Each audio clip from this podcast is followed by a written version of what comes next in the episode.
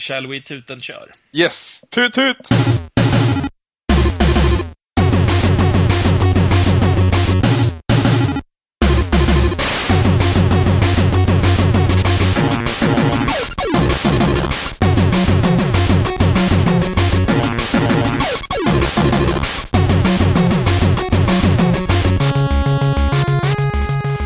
Säger hej och välkommen till Retroresan. Jag som pratar nu, jag heter Samson och med mig som vanligt har jag Anders Brunlöv. Hej på dig Anders! Hej Samson, jag älskar att du säger Retroresan precis som en viss makor. Ja, men det, det har fastnat där. Retroresan! jag tycker det är hemskt charmigt. Ja, det, ja, får jag stämma in på. Ja. Hur är läget med dig Anders? Läget är bra. Ehm, ni som inte har... Nu, nu börjar jag i helt fel ände här, i vanlig ordning. Men ni som tror att vi inte har snackats vid sen, sen förra veckan har fel. Eh, vill jag säga. För jag, faktiskt, faktiskt pratade vi av igår. Och eh, släppte ett skitsnackavsnitt som ligger uppe på sajten. Eh, kom upp idag. Så om ni hade förväntat er en sån här ah, Hej Samson, hur var det på Gotland? Och hej Anders, hur var det i Göteborg? Så tyvärr. Been there, done that. Precis. Men eh, det var bra i Göteborg. Vi kommer väl komma in på det här lite under kommentarerna har jag en känsla av. Ja, det var bra på Gotland också kan vi också tillägga. Ja. Men eh, apropå det här med kommentarer, ska vi sätta igång med dem med en gång kanske? Varför inte? På våran tråd på loading så har en användare som heter Red Dead skrivit Tänkte komma med lite förslag på spel ni kan spela i framtiden också. Än så länge har jag inte hört er nämna något Pokémon-spel. Är det så att ni var för gamla för Pokémon när det kom och rent av inte spelat det? Det är en helt korrekt beskrivning och, och väl utfört detektivarbete av Red Dead. I alla fall utifrån mig sett. Ja, det är samma här. Jag... Eh, jag spel... Alltså, okej. Jag har aldrig varit särskilt mycket för bärbart spelande. Det har varit lite så här gaming for dummies i mina ögon. Ohohoho. Oj, vad du inte flörtar med många just nu. Nej, men alltså det, det är inget fel med det, men, men jag, har, jag, jag ser inte samma njutning som alla andra med det bärbara formatet. Jag sitter helst framför min TV. Och eftersom jag inte hade då en Super Game Boy eh, så har jag inte jag spelat så mycket där. Jag hade, eller jag hade inte, men jag hade Super till... Game Boy. Ja. En sån SNES-kassett som du stoppar in i en SNES och så kan du stoppa ett Ja. Gameboy-spel i den. Ja, ja, ja. Mm. Okej. Jag, tro- jag trodde det var någon bärbar konsol som jag hade missat där, men Ja. det var en sån alltså. Ja, jag hade ingen sån, så jag har missat jättemycket Gameboy-spel. I och med detta då, så har jag också missat Pokémon. Och har man missat det första Pokémon så är det svårt att ta sig in där. Det är som en mur av, av så här eh, barnbrus som är svår att gå igenom liksom. Ja, faktiskt. Det verkar ju dock vara rätt så, alltså det är nästan så att spelen är mer erkända än Pokémon som fenomen. I alla fall nu för tiden. Ja, alltså, jag har ingen tvivel om att spelen är säkert hutlöst roliga att spela. Särskilt säkert de senare, men jag har inte kommit in i det, så det, ja, det kanske är någonting för Retroresan. Lite osäker på om vi hinner. Jag har Mm. för mig att de är rätt långa, de här spelen, att det finns rätt mycket att göra. Mm. Eh, det får vi helt enkelt be om, be om svar på, så att säga. Ja. Är det så att spelen tenderar att liksom ticka över 15 timmar, då, är, då blir det ju tufft alltså. Mm. Vi, 15 vi kan, timmar var vi mycket också. Vi säger 10 timmar då. Ändå överdrift. Eh, kan väl också... Och, vi- vi kan göra som så att vi researchar lite. Ni får hemskt gärna komma med tips och förslag på vilket Pokémon-spel. Och eh, vi, vi får se. Vi lägger det eventuellt i listan. Yes. Red Dead hälsar också att det var jättekul att lyssna på våra respektive topp 100-listor. Mm. Eh, han, har, han eller hon har också blivit inspirerad att göra en själv och kan också direkt nu avslöja att han, håll, han eller hon håller med Anders. Eh, Super Mario Bros 3 är det bästa spelet. Åh, vad skönt. Jävlar vad skönt. Ja men det, det, det är en vettig kille Red Dead. Det, är alltså, det, bara namnet Red Dead hänvisar till någonting som jag hyser väldigt mycket kärlek till. Det här är ett annat bevis. Sen är jag att hans förra veckans kommentar från han också var en sån här riktigt vettig kille. Nu ska jag generellt... Ja men het, är det inte P16 har jag för mig. Jag har inte kollat. Jag tror det faktiskt. Ehm, I vilket fall, så nu ska inte jag generalisera och säga att andra fans är dumma i huvudet. Men en mental high five till Red Dead skickar jag ut. Red Dead fortsätter också med “Kan inte säga att jag håller med er om allt negativt ni säger om 64, även om en del stämmer.” Eh, Jag tycker att ni ska spela Paper Mario till 64 dock, såvida ni inte redan spelat det. Lätt med på min topp 10 bästa spelet någonsin. Eh, kanske inte på min topp 10 och är på bästa spelen någonsin, men i och med att jag nämner just det spelet i min topp 100-lista, som han då tidigare har deklarerat att han har lyssnat på. det där detektivarbetet, det, det, det brister i andra. Det är hundra spelande, man orkar Ja. inte minnas alla. Nej. Eh, Jag har inte spelat det, men jag har sett det spelas och jag slogs av hur jävla snyggt det var. Det är skitsnyggt. Jag, jag döpte det faktiskt, jag tror det var igår, när jag satt och pratade med min pojkvän. Ehm, Vem, vem av dem är din pojkvän? Tobias är min pojkvän, Ja, okej. enligt, enligt Emelie och min svärmor. Ja. Tobias min pojkvän. Eh, jag tror jag utnämnde det till det snyggaste spelet någonsin till 1964 då faktiskt. Så jag håller med dig, det är skitbra. Och favoriten i en riktigt jävla rolig och, och mysig serie. Spel. Eh, jag, jag såg det spelas på en Wii och trodde det var ett GameCube-spel först. Mm. Eh, så snyggt var det. Mm. Eh, Jag går vidare. Tuve på Loading skriver Attans, vilka charmörer ni var i avsnittet då? Alright. Det, det måste vara Retrospelsmässan avsnittet. Jävlar vilket svårt ord att säga.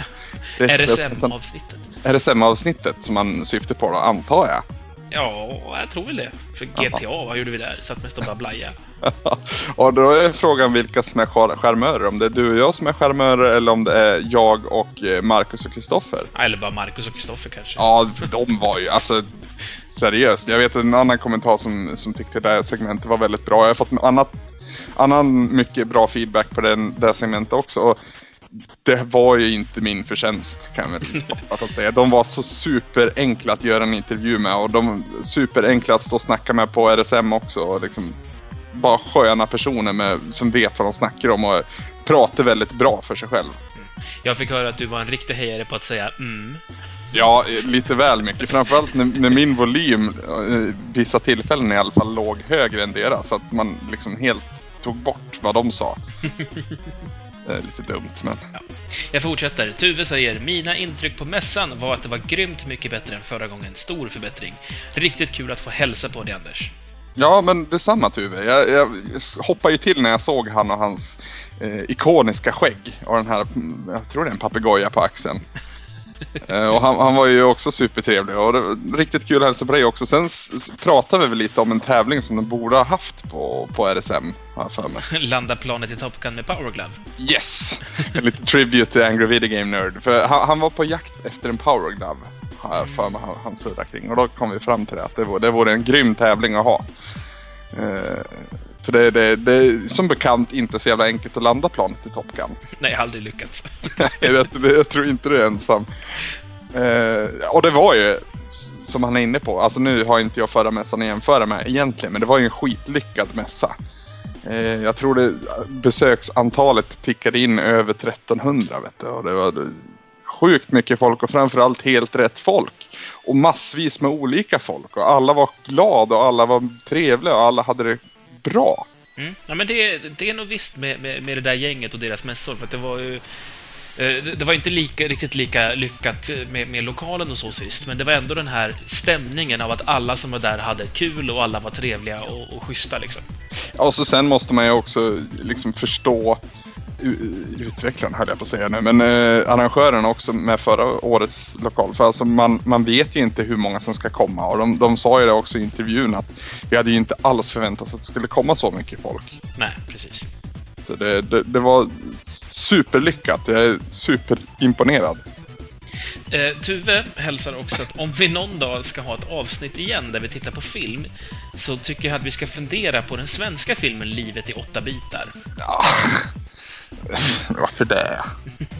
Eh, han säger att jag har bara sett filmen en enda gång jag vill minnas att jag tyckte att den var tokusel. Ja, det...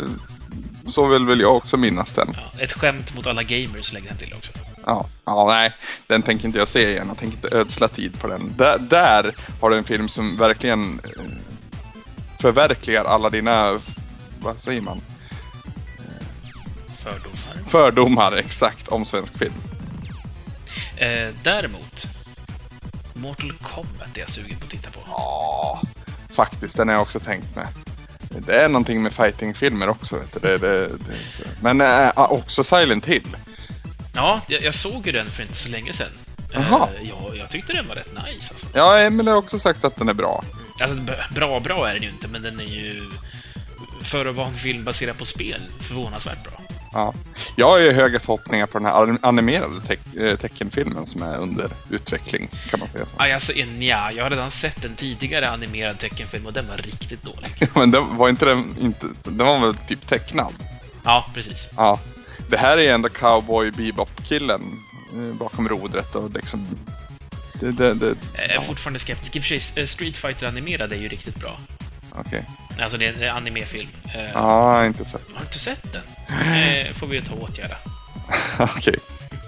Eh, på Facebook så har eh, Maria, min gamla kollega som, som jag nämnde i skitsnacksavsnittet, mm. hon som bakade så fantastiska bakverk, mm, mm. hon tackar för hyllningen. vad coolt att, att hon vet om att det hände, att vi pratade om henne. Hej Maria! det var länge sedan. Eh, jag saknar fortfarande dina kakor ibland. Ja, jag är jävligt sugen på hennes kakor nu, känner jag det spontant. Det låter lite fel när man säger så. Jag är lite sugen på hennes kakor nu, ja. Eh, Vi har fått mail också den här veckan. Okej? Eh, Eh, det är en person som kallar sig själv för Alex BG och han säger som så. Hej Retroresan! En kväll för drygt en månad sedan sökte jag på Retro på iTunes i hopp om att hitta lite trevlig spelmusik att somna till. Jag är jävligt glad att jag gjorde den sökningen, för jag snubblade på vad jag vill kalla en av de bästa podcaster jag någonsin har hört.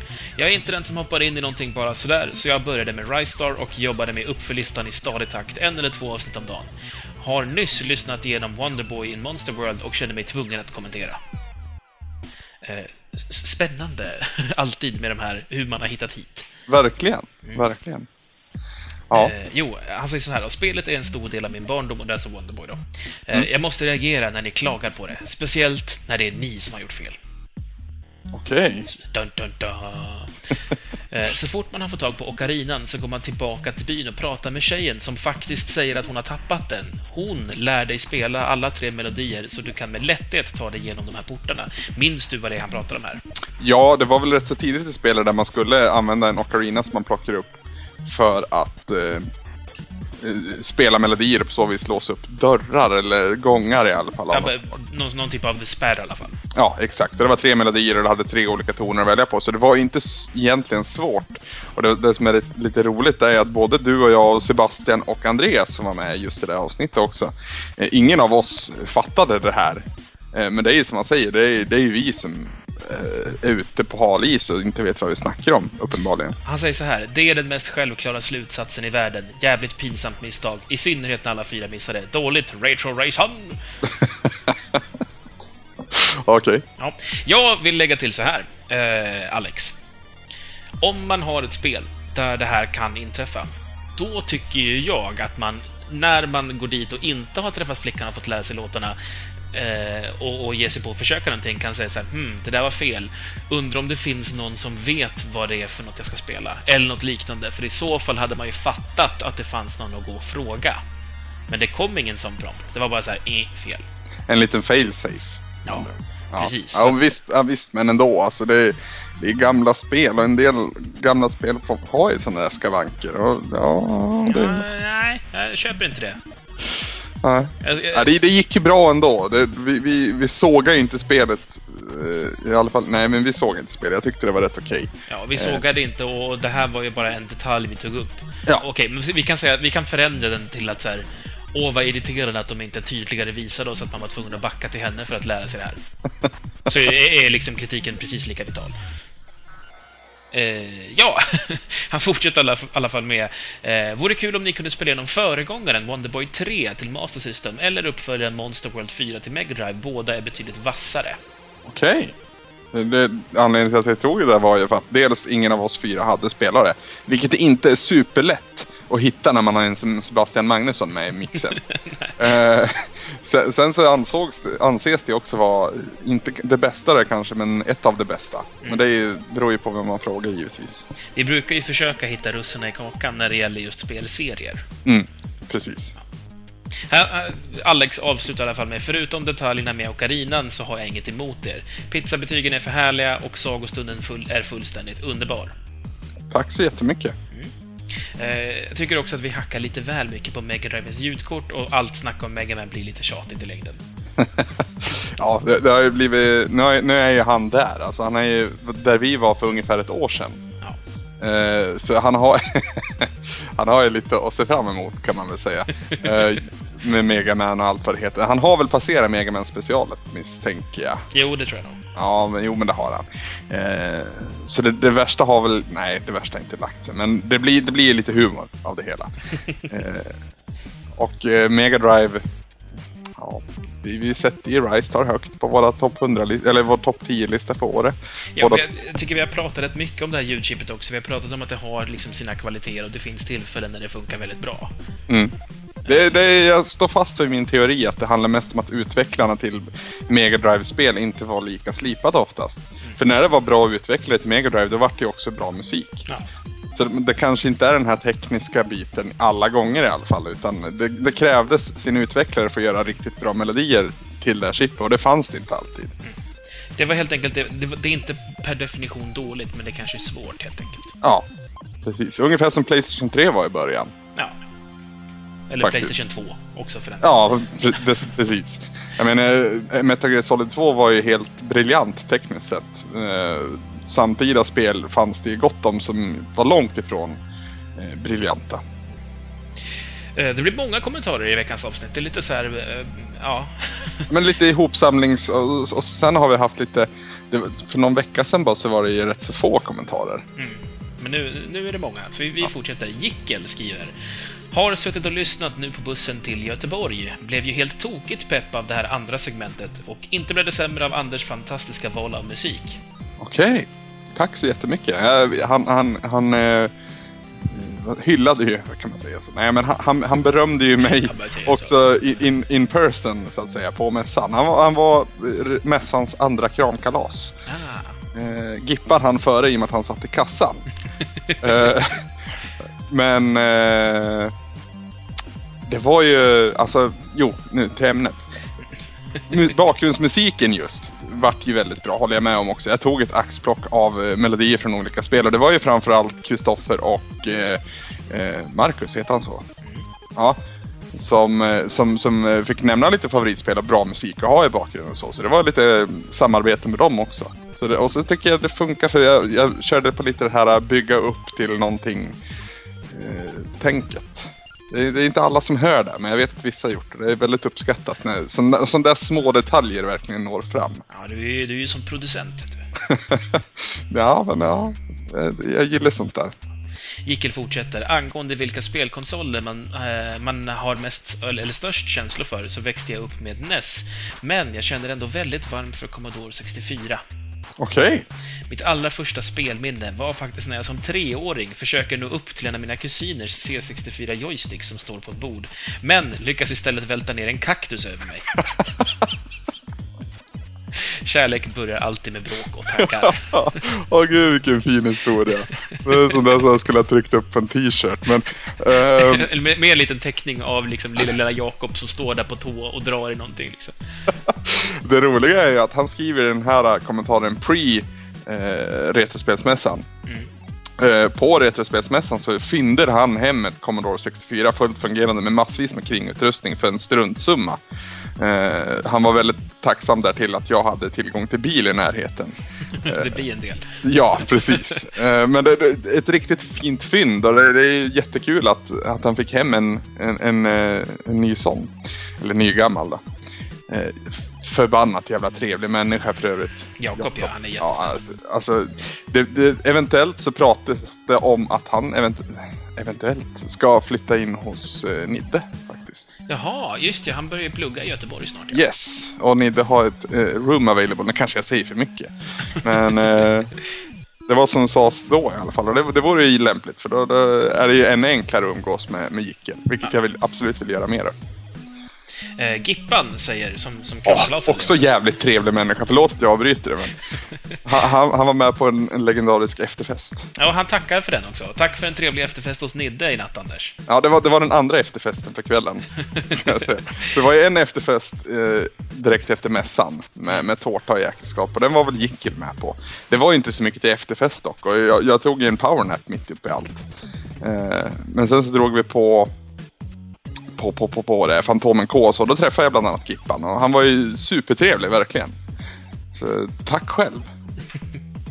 Han säger att han var en aning sleten efter en hel dags mässande, så det fick bli tidig hemgång vid 03. Ja, precis. Men han tackar i alla fall för att han fick hänga och ha pratstund och han hoppas att du, eller ni, hade det trevligt på mässan och på Pitpoppen. Vi hade det skitbra hela helgen. Um, jag kan väl säga det också, det här riktigt till alla som jag träffar som jag liksom bara han, han snackar lite grann med. Att jag känner att det var jävligt synd att vi inte hade liksom mer tid att sitta ner och snacka med alla. För jag, liksom, det kändes ju halvgjort en del. Förstår du vad jag menar? Mm. Um, man vill, så jävla härliga människor. Man vill liksom få mer tid med dem. Men det var, det var så jävla hektiskt allting ibland. Så ja, det gick ju bättre med lite sprit i kroppen. Men det var ju... Jag säger till nästa år så, så bokar vi ett rum och så sätter vi in ett bord, mickar och så kör vi frågestund. Alltså bara liksom lyssnarbrev fast live. Någon typ av utmaning. Vi kanske ska köra Power Glove och Top Gun-grejen där då också på, på storbilds-tv eller något.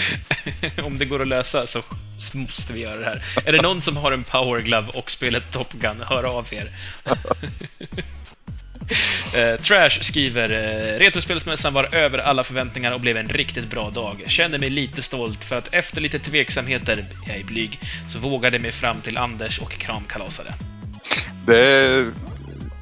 Jag spottade han på långt avstånd kan jag säga. Jag kände igen han på, på brillorna. Jag, jag trodde du menade spotta som att du spottade på honom. Nej då, jag, jag, jag, jag vet inte vad svenska ordet var. Jag du menar, såg honom. Ja, det är ett fjantigt ord. Så jag vart glad när han kom fram. För jag, jag vill inte liksom hoppa fram och bara Hej, här är Anders från Retoresan. Utan det är ju bättre om folk kommer och hälsar på mig. Eh, jag vet att han också frågar vart hans glass är. ja, precis. Han säger det. Just ja, var är min klass? Ja, det är, det är fler som har gjort det. Eh, förlåt, jag är skyldiga väldigt många en, en, en glass. Det ska ordnas, det lovar jag på ett eller annat vis. Men samma sak till Trash där, att det är synd att vi inte fick liksom mer tid att snacka. Jag hade skit att göra och liksom det fanns mycket att göra på Retspelsmässan generellt. Man var inte alltid på väg åt samma håll. Mm. Det, det, blev ju så. Men ja, jävligt säger, kul att träffas. Han säger också, jag fick inte ut så mycket sagt som jag ville, men det var trevligt att träffa dig. Jag får tacka ditt och Samsons arbete personligen en annan gång när tillfället ges. Ja, och det, förhoppningsvis ska vi kunna ge fler sådana här tillfällen. Ja. Maglian skriver, apropå ingenting, så har jag länge så har jag insett att det inte är mer än någon kilometer som skiljer mellan mig, eller mellan min och Anders bostäder. Alright. Vad jag kan minnas har jag dock aldrig skymtat honom, trots att båda mina syskon bor i samma stadsdel. ja, det... Jag är inte ute i Sjöbo så jävla mycket. Alltså, jag, jag har ju bil. Eh, och till, när jag ska någonstans så åker jag oftast den bilen och då ska jag oftast någonstans som inte är Sjöbo. I och för sig så promenerar jag mellan mig och Tobbe rätt ofta. Finns, Sjöbo är dock rätt stort. Jag har ingen aning, jag har aldrig varit i krokarna. Nej, det, det är liksom lite utanför liksom Borås centrum om det finns något sånt.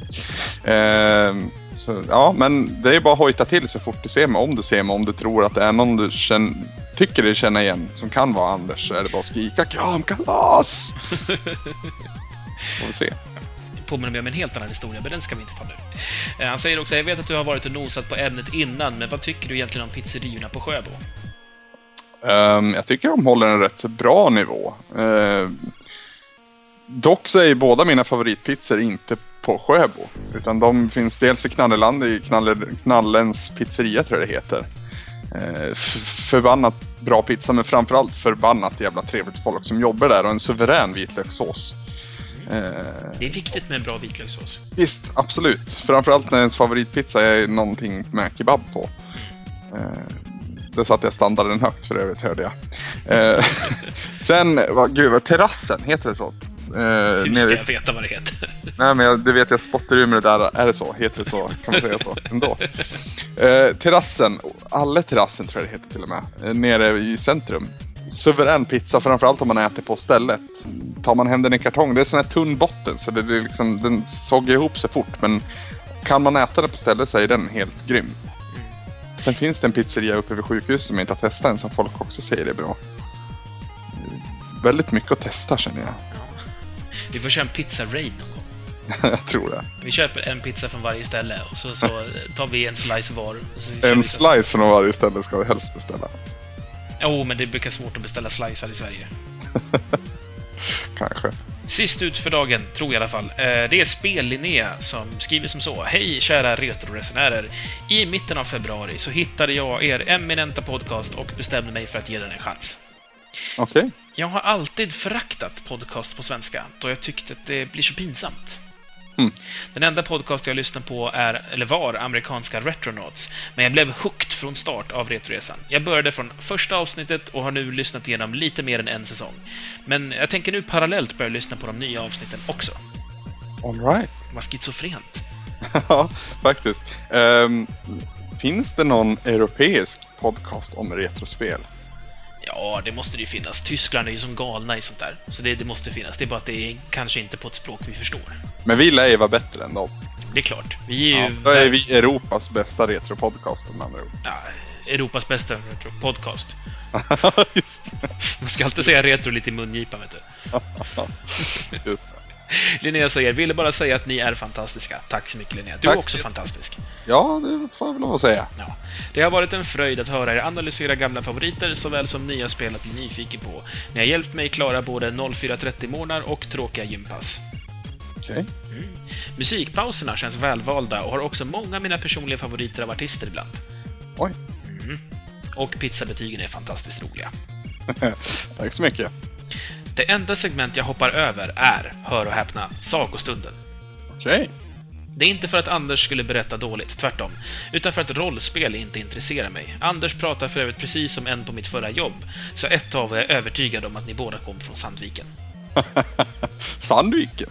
Ehm, det, det är lite Dala, Dala influenser i Sandviken, men annars är Sandviken inte långt ifrån mig. Ehm, det rör sig om kanske 8 till 10 mil. Så Sandviken är så här Hälsingemål plus lite dalmålsblandat. Ja, det är lite inåt landet så det är inte så, så konstigt heller. Det, det, de, man säger till exempel kudde. Åh, det är så fint. Är Ja, ju är alltså, man, när någon säger kudde på den, på, på den liksom dialekten då vill man ju bara ligga och gosa med en kudde. Ja, folk från Ludvika. Kudde! Ja, Åh, vi hade någon sån här dålig sketch en gång i tiden om att eh, Aragorn från Sagan om ringen var från Ludvika. Ja, det var så jobbigt. Han, han var ju en döddied. Han är åtta år gammal, vet du. Sover på bar mark, behöver ingen kudde och han ska bli kung en dag. åh gud. Ja. Eh, jättekul att spel lyssnar i alla fall. Ehm, synd att han inte lyssnar på sagostunden samtidigt så har jag full förståelse för folk som inte vill göra det. För en gång i tiden så spelade inte jag heller rollspel. Eh, och så. Så kanske inom, inom tid, jag vet inte. Men det, det behöver absolut inte. Det är varmt välkommen ombord ändå. Eh, sagostunden är ju en liten specialvagn i våra tåg. Precis. Det, det är restaurangvagnen. Man, Kanske går, man, man, man behöver bara gå dit om man är hungrig, liksom. Eller den här eh, vagnen där man kan se på film. Ah, just ja. Det var länge sedan jag åkte sådana tåg. Ja, jag med, faktiskt. Eh, det sista vi ska nämna idag, det är någonting som händer på Twitter och det är jätteroligt. Okej. Det är ett initiativ från Krishka, eller Chris, eh, som håller på och sammanställer då vad han kallar Retroresan Drinking Game. Just det, det har jag sett. Ja, Det är eh, helt grymt. Hashtaggen är alltså RRDG, alltså fyrkant RRDG om man vill bidra. Jag tänkte jag skulle ta några axplock från den här. Eh, det är främst Krishka själv och även då Nilorb som har bidragit. Okej. Eh, Nilorb säger “Drick en shot om Hawaii eller kebab används eller refereras till i pizzabetyget”. Okej. Eh, Chris har en väldigt fin också. Utebliven sagostund. Blanda en sagodrink med fyra ingredienser från kylskåpet och Jäger. Drick sedan upp den innan pizzabetyget. och så min personliga favorit. Halsa en cider om Move the Bongos berättar en historia från sin barndom.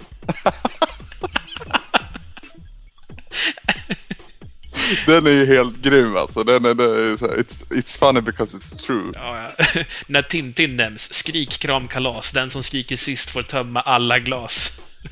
För att glömma. Ja, jag, är, jag är lite småsugen på att köra den här nu alltså. Det låter ju... Alltså fortsätt gärna med den här Chris. Ja, eh, Chris, Nilorb och alla andra som tycker att de, de har något kul de kan bidra med, så eh, skriv er en regel, avsluta med fyrkant RRDG på Twitter, så eh, ska vi följa det här och så småningom så ska vi väl sammanställa det och lägga upp det på sajten också. Det vore helt skitgrymt faktiskt. Eh, men det var nog alla veckans kommentarer som vi tar med den här gången i alla fall. Och vi går vidare på veckans spel.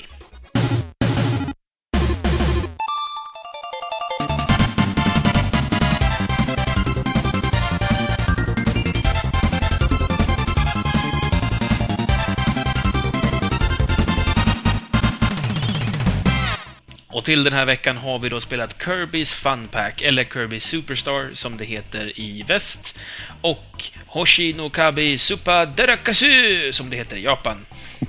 Det borde också vara med i Drinking Game. När Samson pratar japanska så ska man typ dricka sake eller någonting sånt.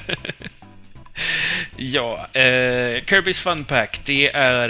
Eh, man kan kalla det för en minispelsamling, men det är att vara lite elak, tycker jag. Tycker du det? Ja, för att jag tycker att det är lite mer än bara minispel. Det är väl vissa som är renodlade minispel, men eh, en del av de här spelen tycker jag är, är liksom för stora för att kallas minispel. Ja, det, det, är en samling små spel utan att vara småspel. Ja, precis. Det är en samling mindre spel som ändå är ganska stora. Ja, precis. Definitionsfråga. Ja. Eh, spelet släpptes 1996 i Japan och det kom till oss i Europa i januari året efter. Okay. Finns också på Virtual Console i Europa sedan den 28 maj 2010. Eh, ja, eh, de flesta av spelen man spelar är ju plattformsliknande varianter i alla fall. Mm. Eh, och man är ju då Kirby och man har jag tror att det är samma förmågor som man har lånat in från Super Nintendo-spelet, som jag glömt bort vad det heter. Uh, jag har för mig att ett av de här spelen, nu minns jag inte riktigt vilket, är en direkt uh, portning eller uppgradering så att säga av det första Gameboy-spelet. Ja, det är, uh, ska vi se, vad heter det då? Det heter så mycket som Spring Breeze. Det, det ja, precis, det första då, man kan se det så. Ja, det, det är från Kirby's Dreamland. Banor inspirerade av, säger de. Mm, mm, mm. men men det, det, ska vara, jag har inte spelat Kirby's Dreamland. men, men det ska i alla fall vara inspirerat därifrån då. Mm. Exakt. Eh, ja, annars så, så är det ju liksom... Gameplaymässigt så är det ju Kirby som hoppar och studsar och som kan suga i sig fiender och som kan ärva deras eh, förmågor då genom att äta upp dem. Och han kan också i det här fallet då prutta ur sig en medhjälpare. Mm. Eh, och är man två spelare så kan eh, man co-opa där kompisen spelar medhjälpare. Precis. Precis. Fick du tillfälle att göra det någon gång? Jag fick tillfälle att testa det och jag kände att åh, jag önskar jag kunde spela hela spelet så här. Ja, precis. Jag, jag, fick, jag kände bara, för den är ju datorstyrd annars, den här mm. medhjälparen. Och det, jag kände bara liksom att fan vad awesome. Det är ju rätt så kort spel dock. Så, liksom det, eller dock, alltså det, det, hade varit lämpligt om någon bara kom över och, och, och spelade en stund och liksom klarade det med mig. Mm. Då hade man nog haft så lite, det har jag väl nu också i och för sig, men lite abstinens för att vilja spela mer. För det, det är jävligt kul det här spelet. Vad tyckte du om de här renodlade sidogrejerna då? Samurai Kirby och Megaton Punch? Du menar de här som verkligen är småspel eller minispel? Ja, Samurai Kirby är ju att du ska vara snabbast och Megaton Punch är den här mätaren du ska få rätt Timing-grejen när du ska liksom, ja, ja. slå sönder planeten, verkar som, mer eller mindre. Stjärnan. Ja, ja exakt. Uh, ja, jag tyckte de var kul. Alltså, det är, jag, du pratade väl om att du hade gjort Samurai Punch? Eller om det var... Jo, jag tror det var det. Uh, under någon tävling. Ja, eh, på, ehm, på påskträffen i Malmö, så mm. båda de här två faktiskt var, okay. var tävlingar. Okej, okay. för jag tänker mig att det är där de, de verkligen kommer till sin rätt. Alltså det, det är inte... Det är vad det är. Det är extremt charmigt i och med att det är Kirby i hans värld, så att säga. Eh, men jävlar vad svårt Samurai-grejen vart på slutet. på level 3 och mot så här Meta Knight och den här pingvinen eller vad det nu är. Vad var det snabbaste du hann? Ja, jag minns inte. Jag vet, jag vet, att jag klarade det till slut efter jävligt många omförsök. Jag vet dock inte om det beror... För jag spelar ju det här på Virtual Console. Mm. Och då har du ju den här trådlösa handkontrollen. Och då har du ju den här inbildningen i alla fall att det är en viss typ av delay. Fast jag upplevde också en, en, en liten delay i det, så det, och jag spelade inte på Wii. Så det kan, okay. vara, det kan vara så att det faktiskt är... Eh, att det kommer en lite, för man måste liksom vara lite snabbare. Ja, Ja, för så, så kändes det. Det var inte bara under det, den delen så att säga, utan det var genom hela spelet. Mm. Ja, ja. Um, och du har spelat igenom alla delarna, antar jag? Ja. Eh, man, jag kommer inte ihåg vad de heter dock, men om man säger nummer två. Ja. eh, låser ju upp nummer tre och nummer tre låser ju upp nummer fyra. Ja, i princip. Ja, och det är väl, alltså som jag ser det så är det ju Spring Break, Spring, Spring Breeze. Spring Breeze som är liksom någon typ av tutorial eller eh, ett intro till, till det som blir spelet sen. Det här skattsamlargrejen uppskattar jag inte så mycket som jag kanske borde ha gjort. The Great Cave Offensive. Yes, där man ska gå och leta skatter helt enkelt. Jag, jag liksom... En annan, en annan tid, ett annat tillfälle hade jag nog kanske kunnat uppskatta det, men just då kändes det mest som mm, slöseri med tid när jag kunde spela de andra. Jag hade jätteroligt med den, men det var ju också för att det här var det partiet där vi faktiskt var två. Okej. Eh, och det, det, det var jätteroligt att springa runt och utforska och sen så liksom fick man ju spela taktiskt där med att eh, medhjälparen kan ju liksom få offra sig. för att det går ju alltid att väcka en ny medhjälpare ganska lätt liksom. Ja. Eh, men ja, jag tyckte Great, Great Cave Offensive var rätt kul. Och sen så var jag så jävla nördig så jag hittade ju alla 60 skatterna också. Oj då. Ja. Så man, man får den här fina slutsumman med så här 999990. Då vet man att man har alla. Det var ju så fint också för att man hade ju en liten så här skärm som visade vilka skatter man hade plockat. Eh, och är man då liksom lite så uppmärksam så märker man så här, hmm, nu är det en lucka här. Du vet, man så här, fyra på rad till de fyra första. Sen var det en lucka och sen var det en till. Då bara, ah, jag har missat den. Då kunde man, visste man att man skulle backtracka. Ja, precis. Och vart man skulle leta. Ja, på ett ungefär i alla fall. Ja. Eh, ja, ska vi börja i rätt ände då och eh, prata lite om hur spelet ser ut? Presentation tänker du då. Ja, precis. Eh, det ser ut ungefär som jag förväntade mig att det skulle se ut. Eh, extremt färgglatt, extremt mjukt och liksom verkligen det här är en saga. Här kan vad som helst hända och här, här kommer vad som helst hända. Eh, och eh, ja, alltså det är inte så här superimponerande utan det är liksom kart... Det är lagomt. Ja. Eh, vi, har, vi har med oss lite lyssnare på det sen. Jag tänkte jag ska ta deras kommentarer också då. Okej. Eh, Ossi88 säger det ser bra ut och är det gulligt. Så som det ska vara med Kirby, tror jag. Ossi 88 var också en jävla trevlig människa att träffa. Och en extremt cool farsa hade han också som hade klarat massa GTA-spel. Jag har varit sjukt imponerad. Och Ossi 88 har vi orsakat blir lite retronörd igen. Ja, vad härligt. Så det kan vi ta credit för. Han har bland annat, eh, ett, om han hade 100% eller man kan inte göra det, men speedrunnat i alla fall eh, Symphony of the Night. Oh, vad fint. Det är, det är credit även för våran del, att vi har fått han dit. Eh, tillbaka till vad han sa. Ja, han tycker att det ser bra och gulligt ut. Det är det första Kirby... det, det, det första spelet där Kirby har huvudrollen som han har spelat. Okej. Um, alltså, jag tycker att... Det låter som att jag ska kritisera. Jag, jag, tycker förstås också att spelet är urgulligt. Jag tycker att karaktärsdesignen är makalös i det här spelet. Mm. Jag tycker att alla ser så jävla coola och bra ut. Eh, På precis rätt sätt. Alltså, det, det, den första karaktären som verkligen så här, jag blev kär i, det var ju den här isbjörnen som man möter rätt tidigt i Spring Breeze. Ja. Jävlar vad rolig den var. Och så, funktionen att kunna ge den en bomb var ju hysteriskt rolig.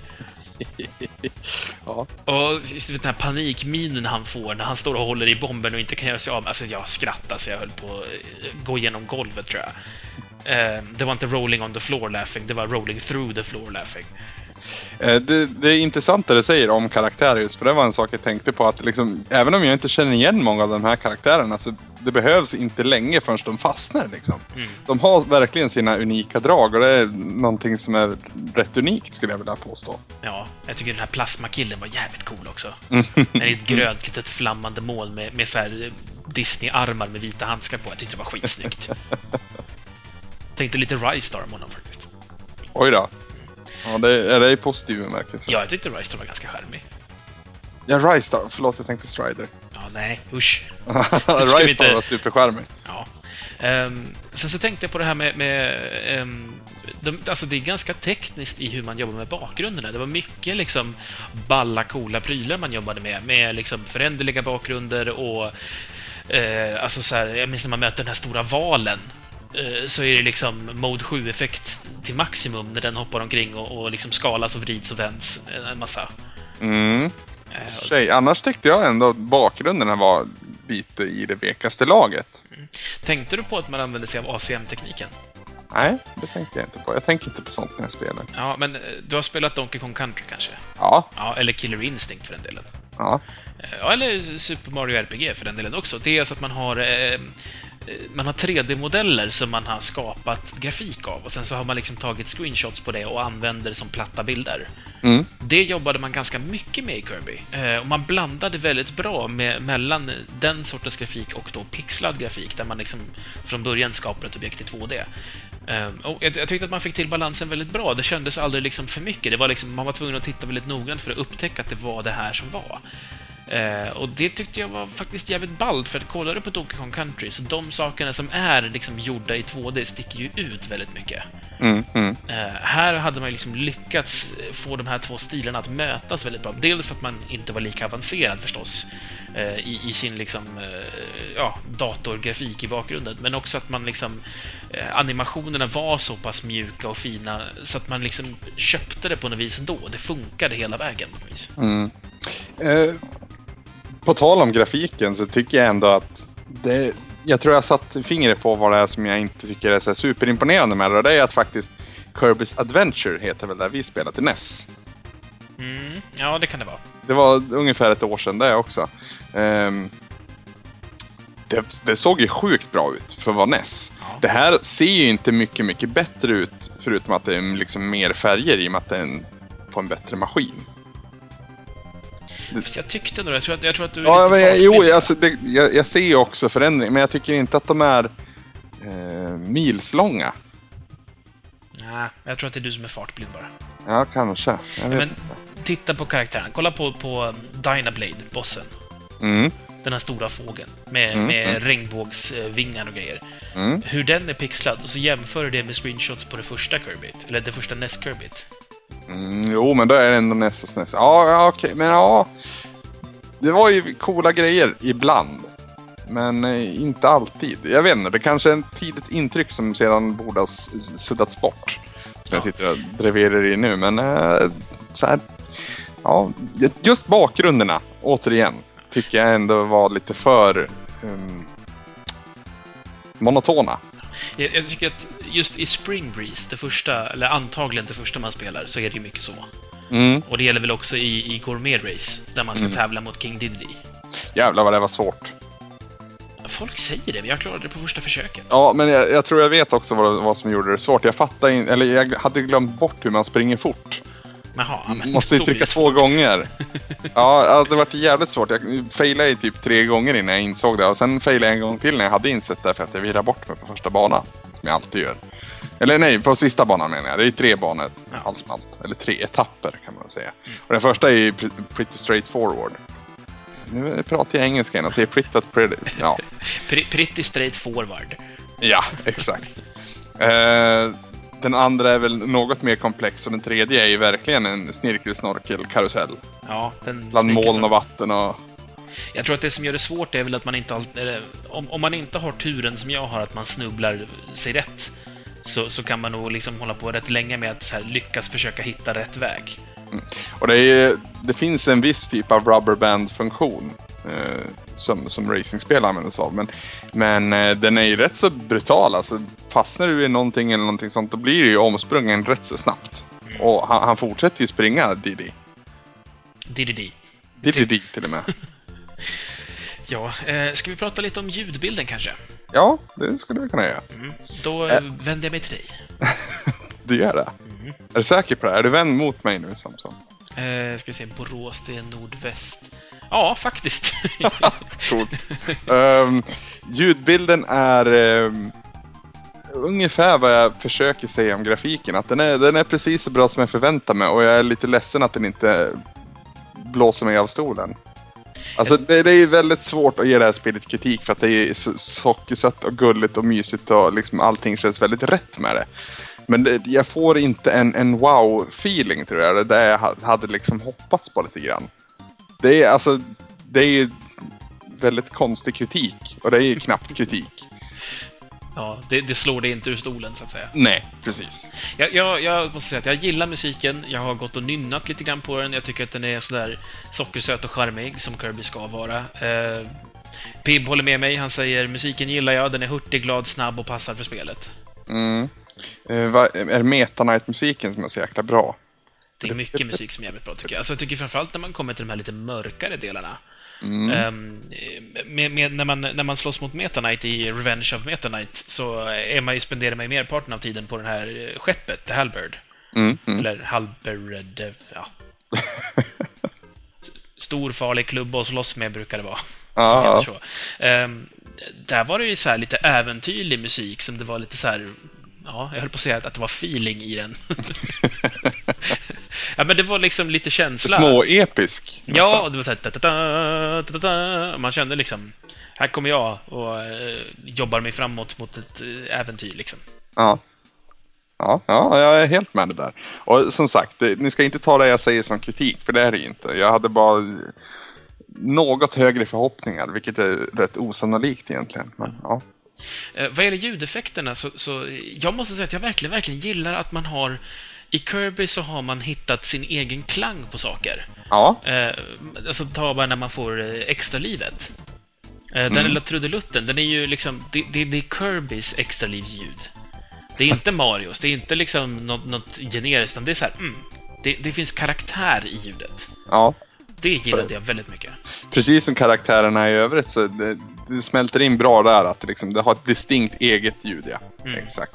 Ja, det var faktiskt också extra liv jag tänkte på när du började babbla sådär. babbla, det lät negativt men... Nej, det är lugnt, jag babblar. ja, det är bra.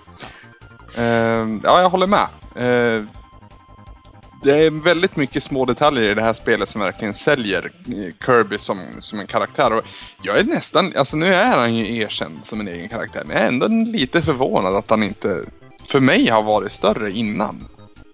Jag tror att alltså, det, det, är lite konstig timing i de här spelen, det är väl det. Alltså, det här är ju ändå 97 i Sverige. Ja. 97, så, nu är jag inte helt hundra på datumen, men jag har för mig att där omkring så liksom börjar man tänka Playstation. Ja, ja, ja absolut. Så det, det är liksom... Ehm, Ja, och det var ju inte som God of War som liksom kommer i slutet av sin maskin som liksom ändå är så pass episkt och häftigt att man liksom, oj, man måste titta på det i alla fall. Nej. Så att det, det, det är nog mycket där uh, vi hittar anledningen till att liksom inte Kirby känns större för oss. Och det är väl kanske just för oss också, ja.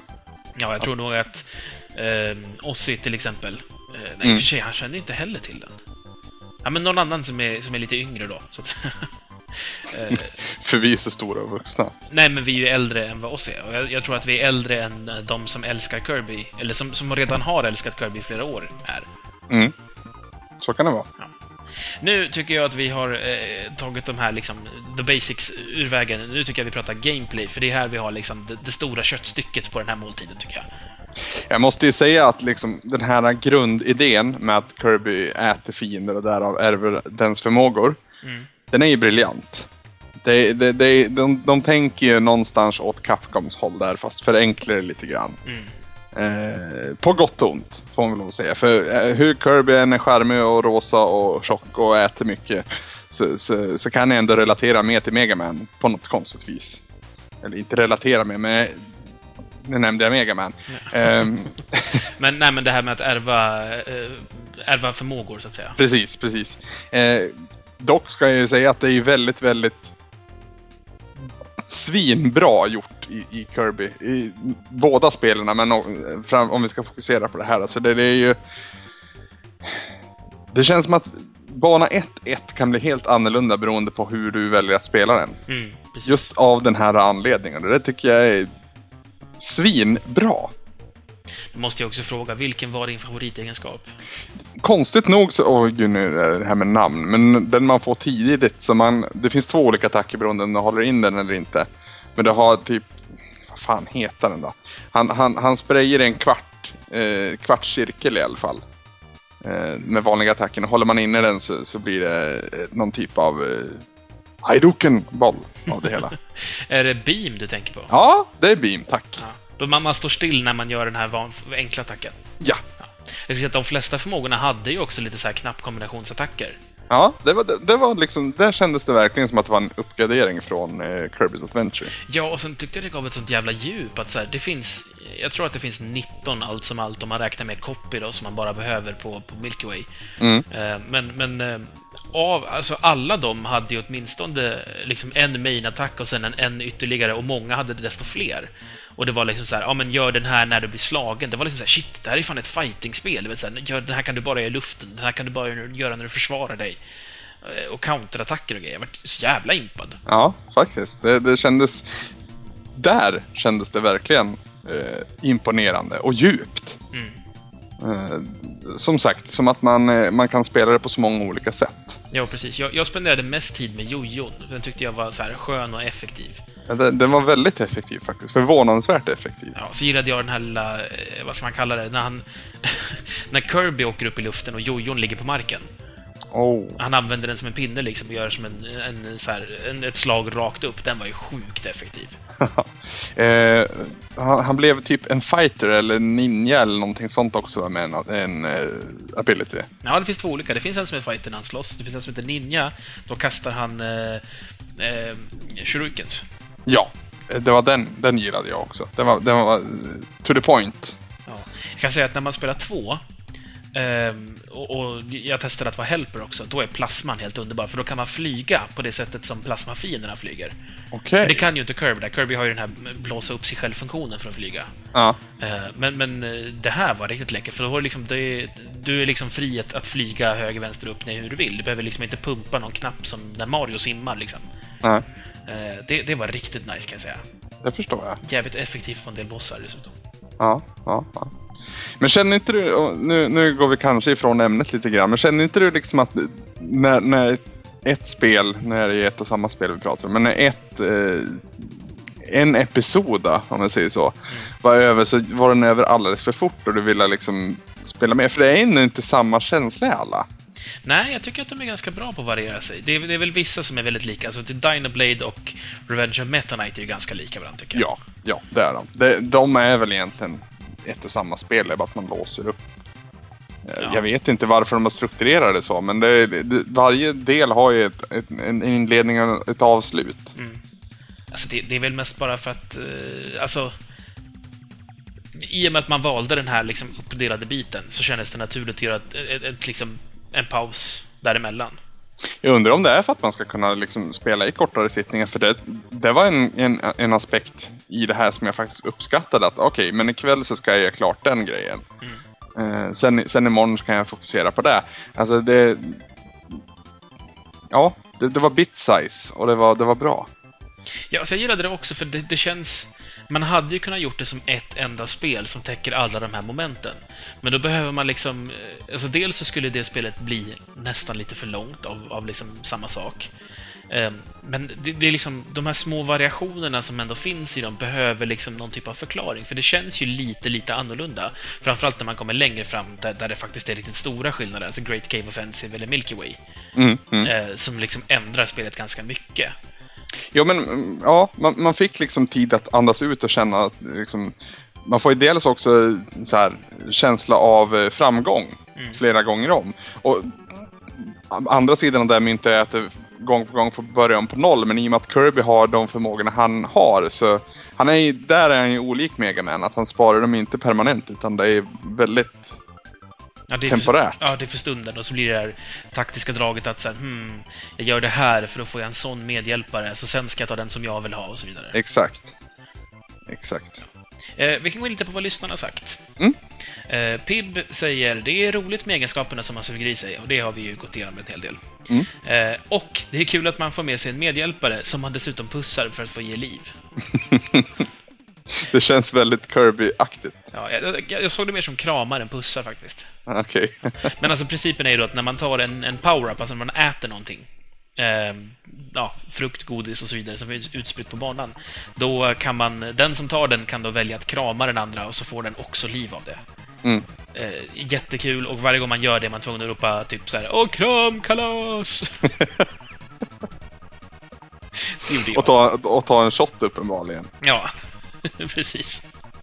Eh, Pib säger också att det känns som att mycket av det här spelet ligger för grund för Smash Brothers-serien. Mhm. Eh, man försvarar sig till exempel på samma sätt i båda spelen. Och eh, Pib frågar också, om jag inte har fel så är det väl samma personer som ligger bakom? Det har jag också för mig att det är. Okej. Jag är inte helt hundra dock. Lite jobbigt att vi inte har fakta på, eh, svart på vitt här liksom. Ja, men jag, jag har hört det förr. så att, och det är åtminstone ett fel jag har hört förut, om det är fel. Ja. Eh, Dark 2, eh, han summerar så här. Kirby's Fun Pack är ett konstigt spel. Det har tagit några banor från tidigare och förkortat det lite, gjort några nya och slängt in några minispel och sen så kallar man det för åtta spel i ett. Hade det inte varit bättre att slänga ihop alla banor till ett plattformsspel? Ja, det, det var ju du inne och berörde på. Jag, jag tror jag är mer inne på ditt spår där Samson. Att hade, jag uppskattar den här bit-size-strukturen då. Mm.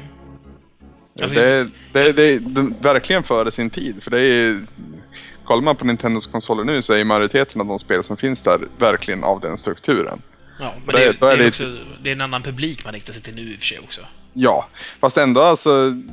Det här är kanske också en föregångare till någonting i stil med Mario Party. Ja, faktiskt. Det om man tänker efter. Det är, även om Mario Party är mer fokus på multiplayer så ändå konceptet är att du har ju två eller tre spellägen i Mario Party som, som är primära. Sen finns det massvis med så här små grejer som du kan köra i fem minuter liksom. Mm. Och det, jag älskar ju Mario Party med rätt folk och med rätt publik. Det är väl en och samma sak men ja. Eh, Dark 2 fortsätter. Eh, när jag ändå håller på och gnäller så ska jag passa på att klanka ner på att ibland, när man behöver ha sönder ett block för att komma framåt, så händer det att man har tappat sin stulna förmåga och då blir det väldigt svårt att ta sig igenom blocket eftersom Kirby utan extra förmåga inte kan ha sönder block. Mm, vilket, vilken sekvens tänker han på då? För det är väl bara för han att äta dem? Eller? Uh, ja, alltså, eller blåsa luft på dem, men uh, jag, jag, tänker nu, nu minns jag inte helt så här, hundra exakt på vilka block det kan vara som Dark 2 tänker på. Ja, precis. Det kan vara andra block han tänker på. För de jag tänker på det är dels de under eh, racing-biten. Eh, ja, de, de som de, är liksom en stjärna på. Ja, och de kan han, han äta upp. Ja. Och uh, även blåsa luft på så går de sönder. Det, du behöver ju ta det förbi sådana, eller så kan man vänta på DDD. Som, som mejer ner dem. Ja. Gjorde jag ett par gånger, det gick fortare. Um, men ja, det kan ju vara så att vi båda har, har, tagit oss förbi en sekvens som vi kanske hade kört fast på om vi inte hade rätt förmåga. Jag minns att det fanns stumpar som man kunde, som man skulle slå ner med klubban för mm. att låsa öppna Men det, det, tror jag är i Cave Offensive. Mm.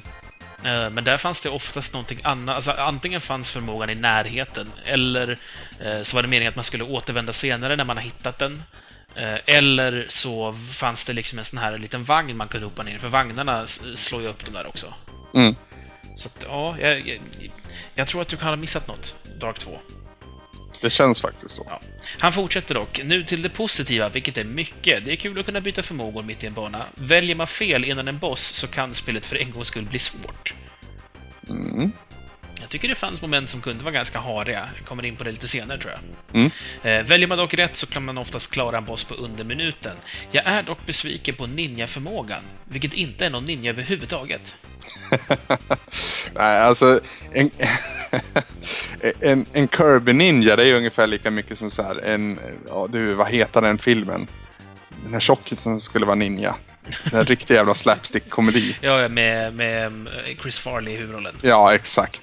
Det heter någon så här typ en, en amerikansk ninja blaha blaha eller någonting sånt. Ja, eller Hollywood ninja eller sånt där. Ja, oh, den kan faktiskt heta Hollywood ninja faktiskt. Hur som, den är hemskt rolig i alla fall. Mm. um, Ja, jag, jag gillade ninjan, jag tycker inte man ska klaga på den. Vadå, vadå inte ninja? Han kastar shurikens, det är ninjigt. ja, det, det, är också en definitionsfråga, Samson. Ja. det är inte direkt att han smyger fram från skuggorna. Nej, okej då, men vad fan. han är ingen Grey Fox. Ja, det fanns ju en kameleontfiende som gjorde sånt. Det kan man ju... Han får ta ninjarollen då. Ja, okej. Okay. Ja. Det är dock en skön känsla att bli sten och glida ner för en backe och slå ner fiende på fiende. Ja, faktiskt. Ja. Det, det, nästan lite så här Gunstar Heroes-känsla fick jag då. Så här att, oh, vad skönt det är att krossa glas. Det är så här kittlande känsla att man, att man förstör någonting. Mm.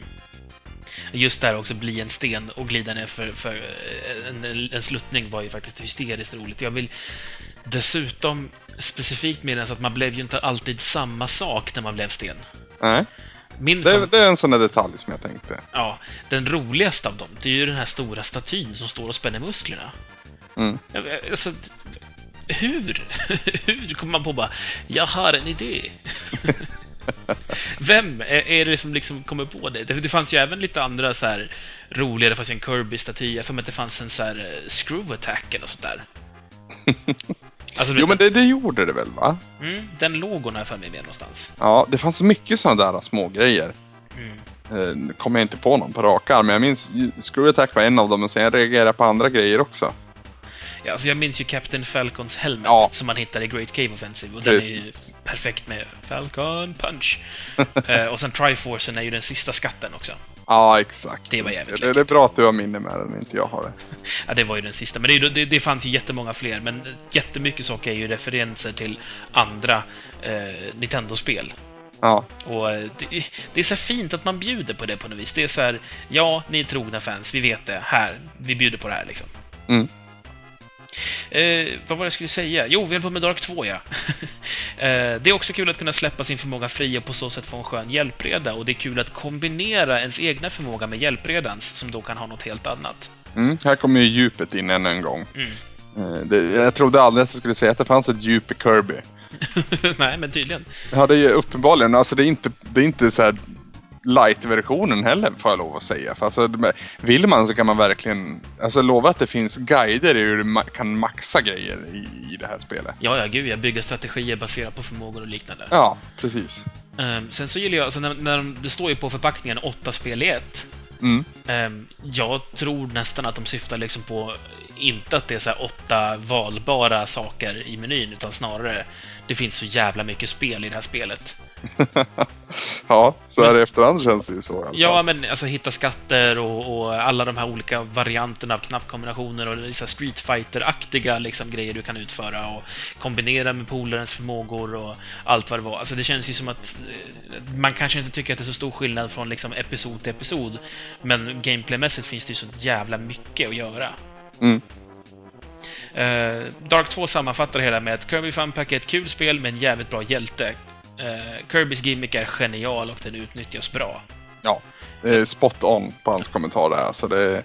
Jävlar vad jag säger spot idag förresten. Men... Eh, nej men helt klart alltså. Det, det... Man har verkligen fattat vad som är grejen med Kirby Mm. här. Han det- undrar... för, förlåt, Dark 2 undrar dock varför kycklingar och dansande träd är fiender. Ja alltså det där trädet, är det Spring Break återigen. Det är väl första bossen där. Mm. Eh, vad jävla synd man tycker om det där trädet. Det är väl också med i Adventure vill jag minnas. Men det är för att det börjar gråta. Ja men det är, det är, det är, det är ett stackars träd. Jag tänker så här, Sagan om ringen och de träden när de blir uppeldade så här. Det, det är synd om dem. Nu tänker du på enterna. Ja. Stackars träden. Jo, i och för sig. Den, den, den får ju sin redeeming quality senare när man efter eh, Dinoblade Ja, så ja, Man skrämmer ju iväg eh, Dinoblade själv då och, tar med sig ungarna bort dit så skakar man på trädet så det faller ner äpplen som de äter. ja. Ossi88 tycker också till om gameplayt. Han säger att designen på banor var okej.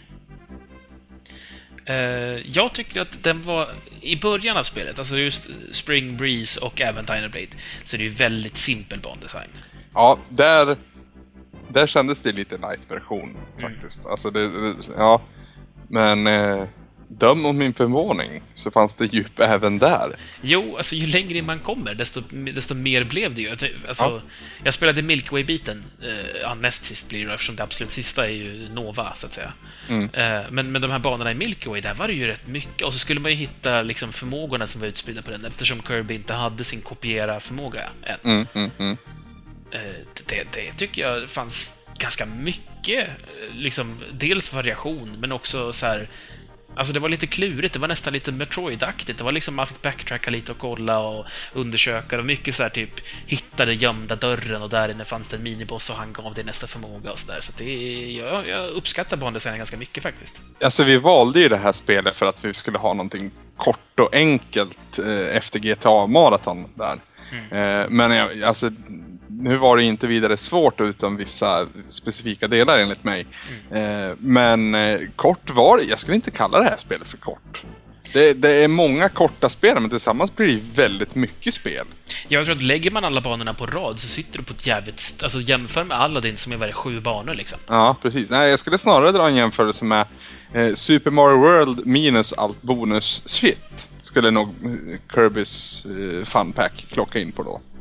Ja, kanske. Det, när du säger minus så menar du alltså bara liksom raka vägen hela Ja, tiden? precis. Eh, Alltså värld för värld i stort sett. För det, det är typ fyra banor, nå, något spökhus och en borg i varje värld i Super Mario World. Mm. Eh, ta minus liksom de här eh, hitta alla block-grejerna och eh, stjärnvärlden och hela den biten. För det är extremt mycket spel i, på den kassetten. Jo, ja, gud ja. Eh, Men det, ja, det är förvånansvärt mycket hade jag att göra med. Och det, och det säger lite också, för det kändes aldrig som att det var långtråkigt ändå. I och med att det hade det här djupet och den här eh, variationen hela tiden. Och just också att Kirby förlorade sin förmåga i en av delarna att, adaptera eh, fienders styrka. Mm. Det, det, det, oj, nu fick jag spela annorlunda. Det var liksom... Mm. Ja. Plus att där fick du också möjlighet att när du väl har hittat en förmåga så kan du ju byta när som helst till den. Ja, exakt. Vilket, eh, alltså då blev det så här, hmm, vad ska jag använda här och, och eh, vilka grejer vill jag använda nu? Och typ så här, nej men nu känner jag mest för den här. Man Mm. fick liksom leka runt lite så också. Mm. Eh, ska vi se här, eh, Ossi påpekar också att det var ganska snygga tutorials inför varje spel. Ja, det var det. Det, det kändes... Next generation höll jag på att säga. Men eh, det kändes i, före sin tid. Ja, och sen så alltså, att det är en, liksom en, en, en ganska snygg SNES-kontroll liksom, i bild som visar så här. De här knapparna trycker du på för att göra det här. Det störde mig lite på att varje spel sa ju så här, har du spelat det här förr? Ja eller nej? Mm. Oavsett vad du väljer så får du i alla fall en liten bit. Ibland var det så här, men jag vet, jag har gjort det här förr. Ja, så var det svårt att ta sig förbi det. Ja, men man, man var ju alltid tvungen att se på något. Och även Ja. om man tog nej liksom. Ja, jag vet. Mm. Eh, Ossi fortsätter. De olika spelen var olika svåra. Den första var väldigt enkel men lärorik. De andra var längre, mer utmanande, men med tanke på alla extra liv man fick så blev det inte särskilt svårt alls. Nej, det, det, det är också en fråga om man ska bedöma utifrån hur lätt det är att få game over eller hur lätt det är att dö. Mm. För det är två väsentliga skillnader. För jävlar vad jag dog i Super Mario Galaxy men jag fick aldrig game over för det sprutar ju extra liv från det här spelet. Mm. Men jag skulle ändå säga att det, är- det är inte ett lätt Mario-spel. I alla fall inte om du ska 100% det. Ehm, och det är lite samma sak här. Alltså det, det, det är utmanande, framförallt vissa kapitel. Vi kommer väl in på det. Ehm, och det dö- jag dog i alla fall eh, ett par gånger ut, utanför de sekvenserna också. Men som, som man är inne på, alltså det, det Du har din skit covered så att säga. Ja, han säger ju också tredje spelet, eh, det är där man börjar i Meta Knights skepp, det är alltså Mm. Return, eller Revenge of Meta Knight, Mm. eh, är antagligen svårast. Jag gjorde bara ett kort försök innan jag kom till ett ställe då skärmen gick mot höger och jag inte hann fram tillräckligt fort. Känner att jag fått min fix av Kirby och är nöjd med spelet, även om jag inte tog mig igenom allt. Mm, mm, mm. Eh, jag känner ju här att så här, oj, vad mycket du inte har spelat Ozzy.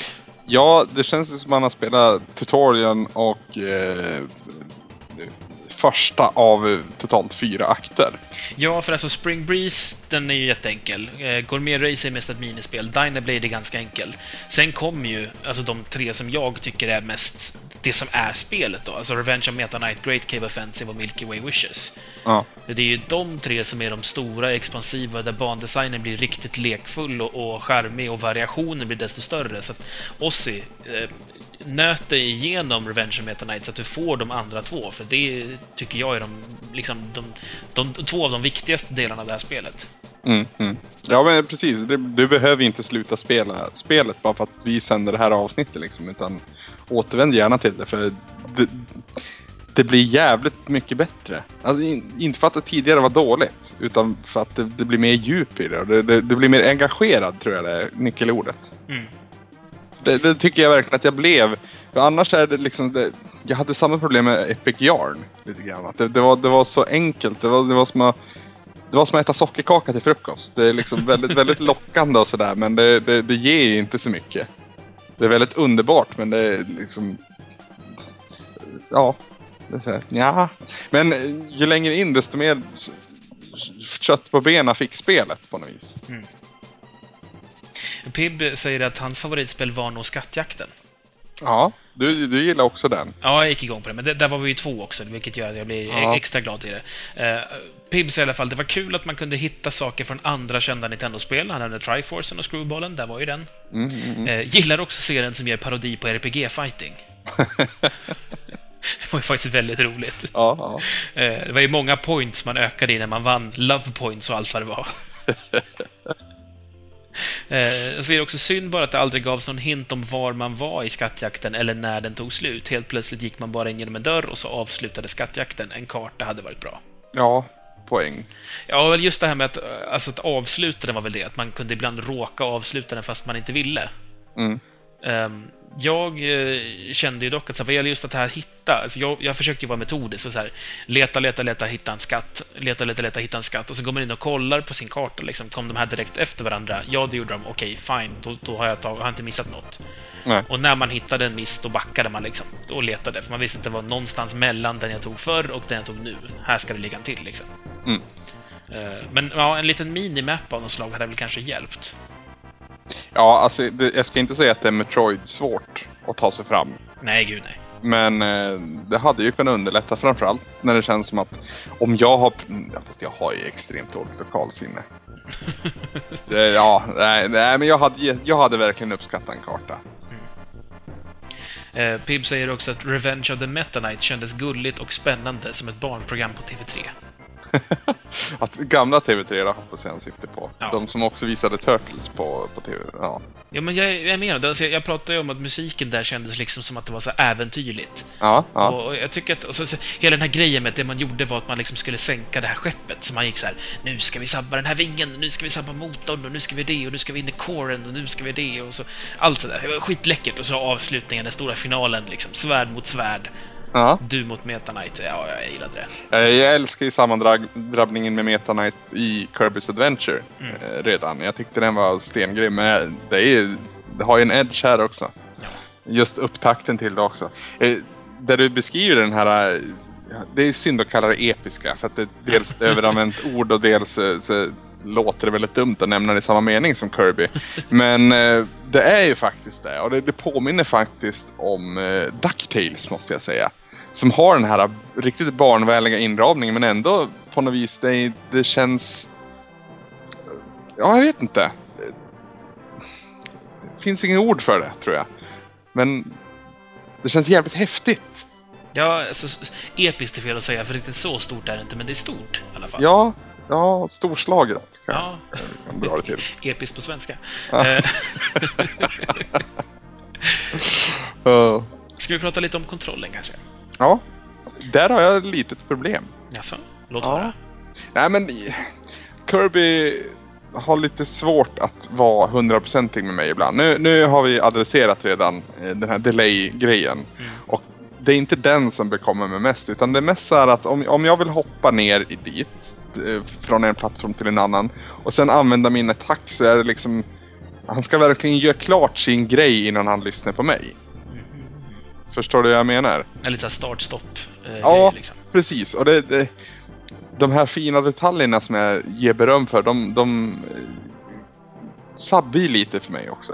Inte sabber, väldigt, väldigt kraftigt ord, men de retar mig lite grann för att ha- han, han ska ge klart vissa sekvenser innan han kan påbörja en ny. Jag skulle gärna se att man kunde liksom avbryta det själv. Fast det där beror, tyckte jag berodde väldigt mycket på vad man använder för färdighet. Du, du sa att du gillar beam. Den är ju väldigt så att han stannar upp för att skjuta. Mm. Eh, jag som körde med jojon, det är ju inte alls samma grej. Där kan du ju hoppa och studsa precis hur mycket du vill samtidigt som du gör attacken. Mm. Och det är nog eh, mellan punkten att jag liksom rör på mig och sen ska använda beam. Det är den sträckan som är jobbig för mig. För jag köper helt att han står still och använder den där, det är väl en stav han använder av något slag. Ja, antar det. Ja. Eh, det, det, det köper jag att han måste stå still och så. Men det är just det där att han ska komma till den här punkten han faktiskt börjar använda sin attack. Det är den jag tycker är så seg. Och det är, det är mycket som du säger, det är nog väldigt specifikt just för beam-attacken. Och det gäller, eh, tycker jag hammaren var lite så också. Det var så att man trycker och så ska han liksom först ta sats innan han slår den. Ja, exakt. Och det är väl kanske för att skapa någon typ av balans, vad vet jag. Men eh, annars också, om vi säger utan förmåga så... Jag vet inte, han känns lite, lite slö. Kirby ser dock väldigt slö ut som karaktär, så även där är det ju spot on av utvecklarna egentligen. Ja, och så äter han mest bara sötsaker hela tiden. ja, precis. Och får sockerkoma och somnar stup i kvarten. Han lär ju ha diabetes. Ja, det, det känns sådär va. Han är ju liksom rosa dessutom. Så, ja, men någonstans där så tycker jag inte att kontrollen är... Den är inte strukturerad på det sättet som jag uppskattar den mest. Jag ska försöka att inte nämna en liten blå bombare. Sa han och gjorde det i alla fall. Ja. Eh, jag är faktiskt inte helt med dig på det här. Jag tycker att kontrollen sitter riktigt bra. Jag, det, det du pratar om, alltså segheten i Kirby, jag håller med om att jag skulle vilja att han var lite rappare rent generellt. Alltså att gå snabbare, eh, liksom vända sig snabbare, lite sådana saker. Eh, Men, men annars så tycker jag att det var liksom väldigt mycket upp till just funktionen som gjorde att det liksom kändes olika. Jag gillade att det var, för det var ju så här hammaren till exempel. Den tog lite tid, men den, så å andra sidan så tog den mer liv också. Mm. Det kunde man i och för sig bara mäta i de här rollspelsfighterna, men, men man märkte ju ändå att så här, ibland man behövde två slag om man slog med den här liksom, klena vapnet, men det, om det var hammaren så räckte det med ett. Liksom. Exakt. Apropå just det här två slag. Eh, det, fanns fiender som flög omkring och såg så här trevliga och snälla ut. Så slog man dem en gång och så blev de så här monster som jagade en. Fan vad snyggt det var. Ja, det var väldigt snyggt. Det var som att de kom ut ur sitt skal lite grann. Ja, precis. eh, ja, eh, är vi nöjda där på kontrollen eller finns det mer att prata om? Jag tycker det är, alltså, jag tycker också kontrollen är bra. Det är att, för att jag ska kunna skriva anteckningar nu som inte bara säger bra, bra, bra, bra, så har jag liksom tagit upp saker som jag är missnöjd med. Så jag känner liksom nu att det är en felaktig bild av det här spelet, och så är det inte. Det är, det är dock inte ett, en, en perfect 10 för min, för min del. Nej, Perfect 10 skulle jag inte heller säga, men det är överlag bra, måste jag Ja, säga. ja, ja, mycket bra skulle jag nog dra det till också. Eh, men, eh, ja. Jag, jag tror jag är nöjd med Vi har inga lyssnare, eller vi kanske har gått igenom det. Ja, det är Pib säger kontrollen fungerar bra. Ja, jag tycker han sätter huvudet på spiken faktiskt. Eh, Ossi88 pratar lite om utmaning. Mm, då kan ju vi fortsätta på hans spår. Då, Ja, precis. Han säger som så. När det kommer till svårighetsgraden tycker jag att det är en ganska bra kurva. Jag vet inte riktigt hur svårt det blir i slutet förstås. Eh, Jag kanske får ta mig an det en annan dag. Men om man vill ha en utmaning som man kan testa utan att, köra, eh, utan att liksom köra och uh, testa allt, eh, så, så kan det bli ganska svårt i en del partier. Mm. Jag tror jag förstår vad han är inne på. Jo, eh, många gånger har jag ju känt att så här, fan, jag har fel förmåga och det har gjort det onödigt svårt. Mm. Vad vill Och det, det, det är oftast en, en själv man har att skylla också, för jag tycker det är liksom... Det känns genomtänkt vilken förmåga du ska använda vart och det finns fiender som kan ge dig den förmågan. Problemet blir ju när du hittar en förmåga som du blir kär i Mm. och använder på alla fiender och sen inser att fan, jag skulle ha Fan. haft den där. Precis. Fan vad jag slösar tid på det här. det hade gått så mycket snabbare att bara göra så här istället. Ja, Eh, Jag gillade väldigt mycket när medhjälparen blev ett hjul och man re, eh, liksom, ja, åkte på hjulet. mm, mm, Och så mm, sköt man små stjärnor. precis. Det var jävligt charmigt. Det var många banor som, som man... Alltså, när vi spelade två så hände det ganska ofta. Jag bara, bli hjulet då, bli hjulet då! Eh, ja, Ossi säger Kirby Superstar, eller Kirby Fun Pack då, är ett roligt, fint litet spel som kan underhålla ett par timmar, men efter det så finns det inte så mycket mer att hämta i de andra minispelen, eller ens en andra genomspelning. Det är bättre än ett rätt bra spel, och jag tycker verkligen man kan rekommendera andra att köra det. Ja, det är bättre än ett rätt bra spel. Eh, ja, fast roller games, ja. ja. Men sluta nu. Det är bättre än Roller Games. Ja, många gånger. Nej, fast ja.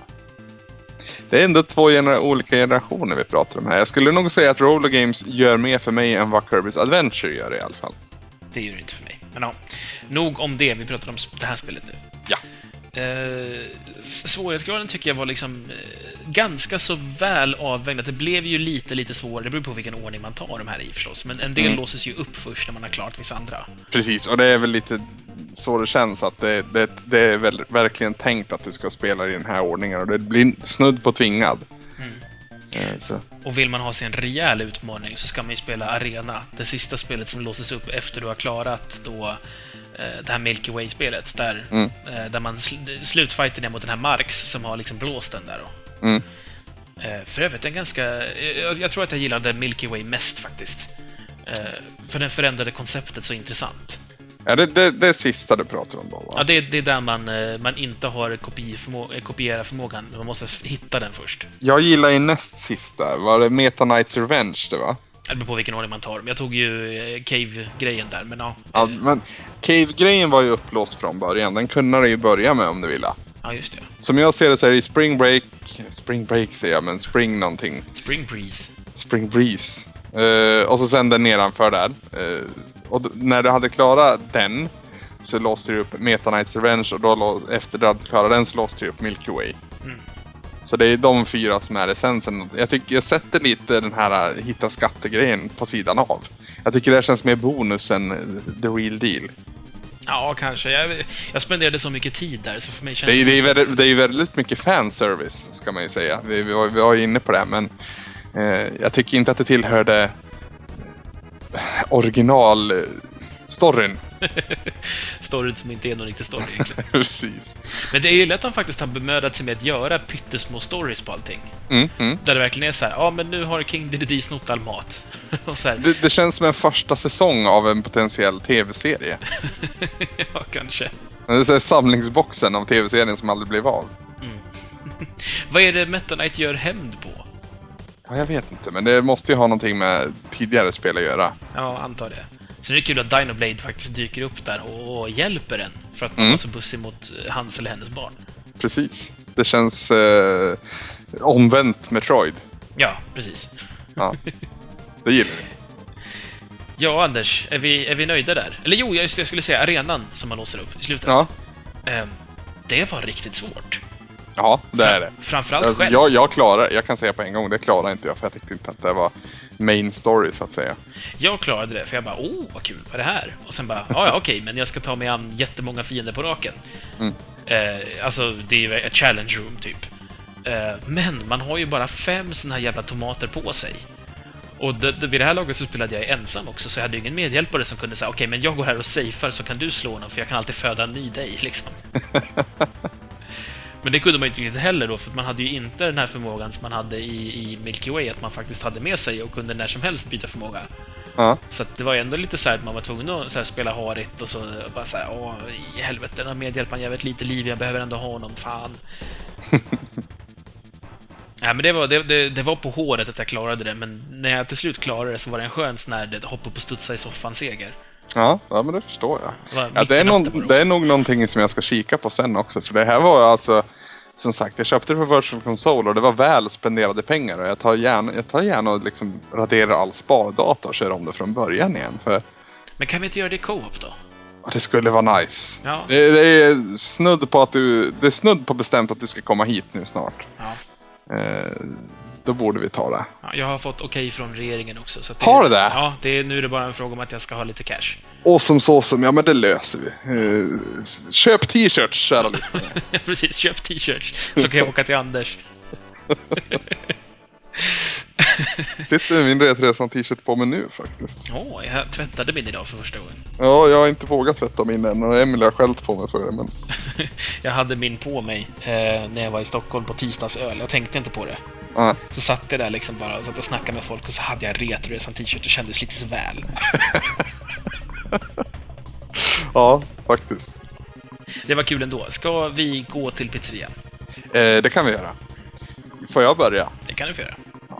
Eh, det här, Samson, det är en godispizza från Kina. De här jäklarna. Ja, precis. Den här som Tobias vart känd för.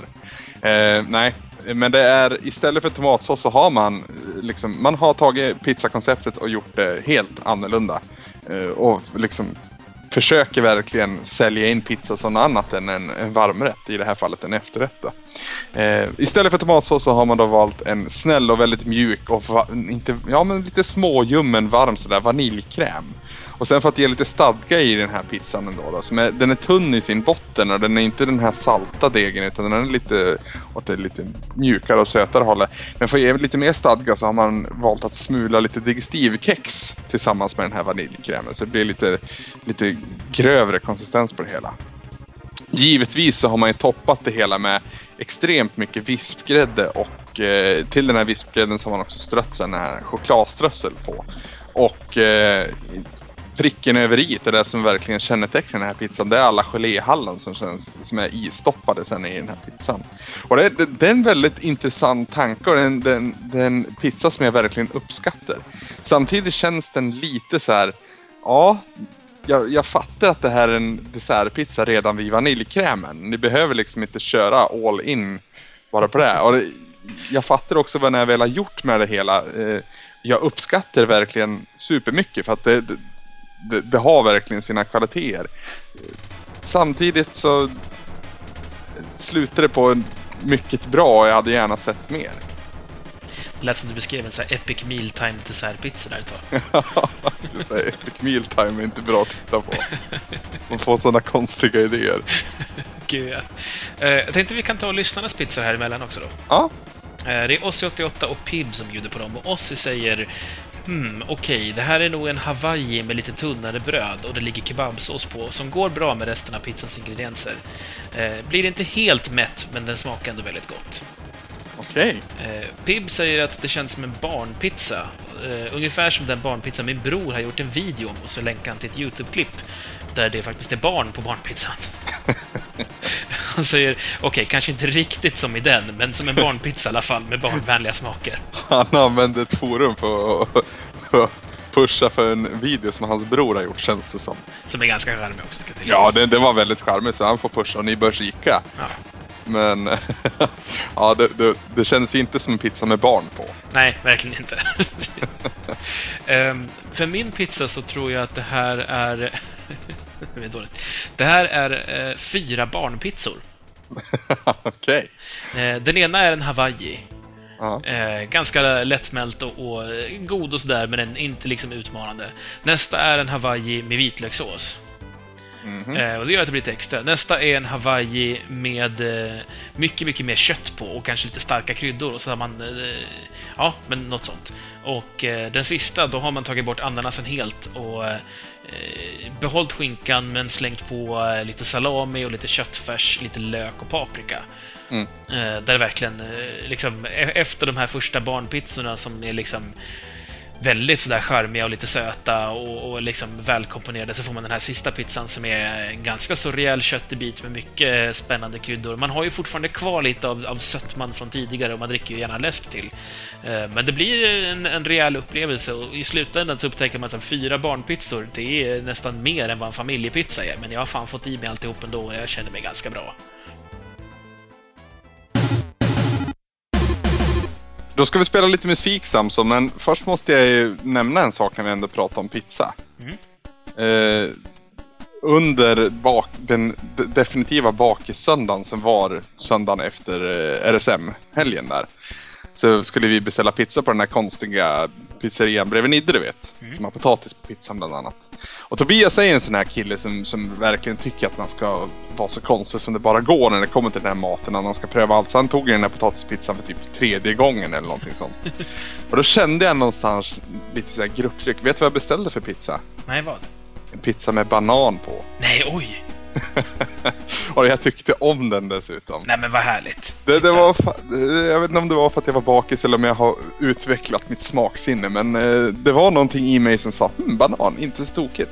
Eh, det var för övrigt där också oxfilé och en förbannat god currysås på. Mm. Jag tror just att det var en currysås gjorde jävligt mycket. Mm, men det är Så- det är fint. I stand corrected, my dear friend. Vad härligt. Ja. Musik sa vi.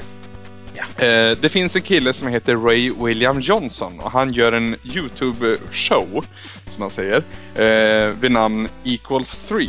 Eh, där han några gånger i veckan visar roliga sköna YouTube-klipp. Då. Eh, förutom det här så har han också något av ett konceptband vid namn Your Favorite Martian. Och det är dem vi ska lyssna på nu. Eh, det är ju en liten diffus spelanknytning i den här låten. Jag tycker mig höra någon typ av ton här och där som låter lite som en retrospelsmaskin. Eh, och både Bowser och Ganon nämns i förbifarten men jag är medveten om att det kanske inte passar in riktigt egentligen.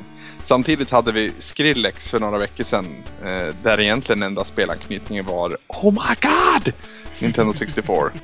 Ja, och att han har gjort eh, soundtracket till en eh, trailer i... Eh, eller soundtracket som är med i en trailer i eh, Uncharted 3-videon. Ja, en en trailer ja. Är Lite sådär. Men ja, jag tycker den här låten är skön. Det är väl först och främst. Och jag, jag tror också våra lyssnare kommer tycka det. Varsågoda. It was a Friday night and I wanted to go out to a brand new club in town, a discotheque I heard about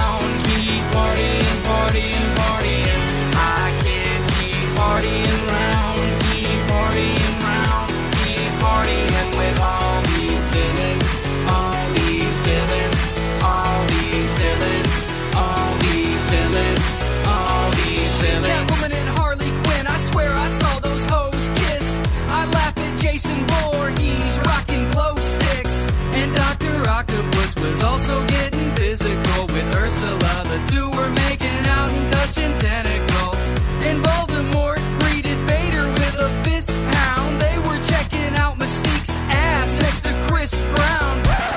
Chris Brown? Somebody needs to throw that guy out of the club, seriously. And Megatron, he was getting it on. He was drawing a crowd, and they were calling out loud, like, Go Megatron! Go Megatron! Go Megatron! Go Megatron! Go Megatron! Go Megatron! Go, go, go, go! I looked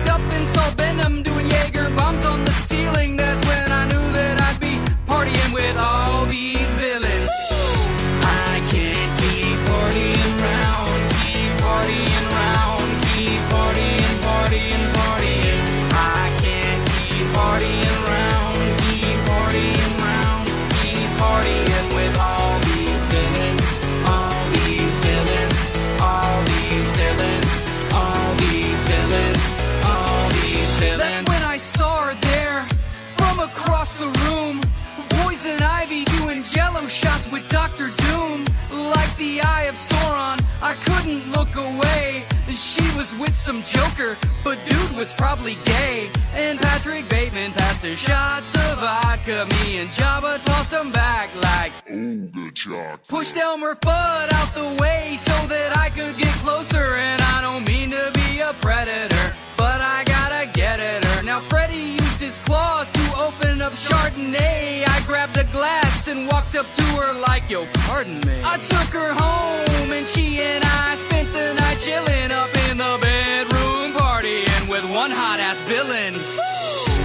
I can't keep partying round, keep partying round, keep partying, partying.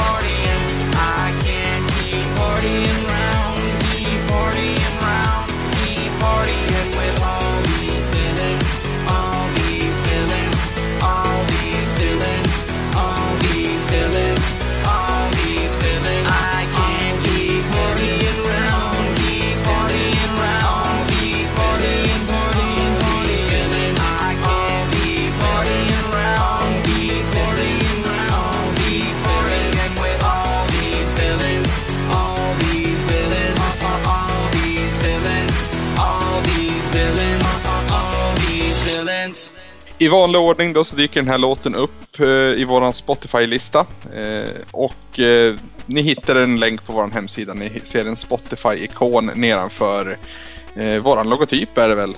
I högerspalten där. Ja, precis. Eh, jag slänger också upp en länk i beskrivningen till det här avsnittet för musikvideon. Då det säkert finns några som kan uppskatta den. Jag stör mig lite grann på den. Samtidigt är andra sekvenser som jag verkligen älskar och framförallt när man, när man hör texten så kan jag också föreställa er hur det, hur det ser ut då. Eh, så kika på det. Nu ska vi till sagostunden som bjuder på en minst sagt kontroversiell överraskning. Eh, nu får du ta ett steg tillbaka Samson, för nu ska jag tala direkt till Planescape Torment. Oj, okej. Hej Planescape Torment. Eh, jag har bestämt mig för att göra slut. Det funkar inte helt, det funkar inte helt längre. Jag, jag vet att du har jättemycket att säga och jag vet att du har jättemycket att ge, men jag orkar helt enkelt inte. När jag vaknar på morgonen och inser att jag måste spendera tid med dig och med, din, med dina karaktärer och dina rader text, då känner jag en sån ångest. Jag våndas inför de stunder där jag måste sätta mig ner med dig och så borde det inte vara. Och så kommer det inte bli. Eh, jag säger farväl nu. Jag har fått nog och jag orkar inte mer. Eh, vi kanske skulle ha fungerat bättre i en annan tid, eh, under andra förutsättningar, men inte just nu och inte här. Det är inte du, det är jag och jag lämnar dig nu. Ha ett bra liv med någon annan, ditt as. Oj. Så är det Samson. Det är väldigt kontroversiellt och jag, jag hoppas att jag inte retar upp allt för många. Men eh, Planescape Torment funkar inte för mig. Det, det, det gjorde bara inte det. Jag, jag, vet att det säkert finns ett jätteepiskt och skitbra spel någonstans där bakom alla rader text. Men det är ju de där raderna text jag inte gillar. Och varenda en som säger att det är ett sånt bra säg, spel säger att det är just de där raderna text som är så bra. Och det, det, det blir fel för mig. Och det, det, som sagt, det, det, det som var kännetecknande, det som gjorde att jag fattade det här beslutet till slut. Eh, det var ju att jag vaknade upp eh, Och det var, alltså- jag tror det var, var det måndagen den här veckan, alltså för två dagar sedan. Eh, och liksom kände riktigt jävla jobbig ångest över att jag behövde sätta mig ner med det här spelet igen. Jag fick ju en, en, en freebie förra veckan i och med att du var på Gotland och allting sånt. Och det var, det var med handen på hjärtat riktigt skönt. Okej. Ehm, ja, alltså jag, jag, jag känner ju lite så här, Anders. Um, det är väldigt tråkigt att det, att det är så du upplever det. Att, ehm, dels att det känns som ett arbete, att du inte vill göra det. Mm. Eh, och det, det är jättetråkigt för dem som verkligen vill höra uh, Planescape Tournament. Precis. Samtidigt så känner jag lite så här att du har egentligen ingen skyldighet att spela ett spel du inte vill spela. Nej, nej jag vet. Men jag, jag lovar ju grejer när jag åtar mig grejer. Och jag tycker inte om att bryta löften. Det är väl det det handlar om. Eh, nu, och jag har väl, vi har väl inte brutit löften egentligen. Och de gånger vi har tenderat att göra det så har vi alltid försökt kompensera. Och liksom lite plåster på såren. Och inte helt oväntat så har jag också ett plåster i bakfickan här.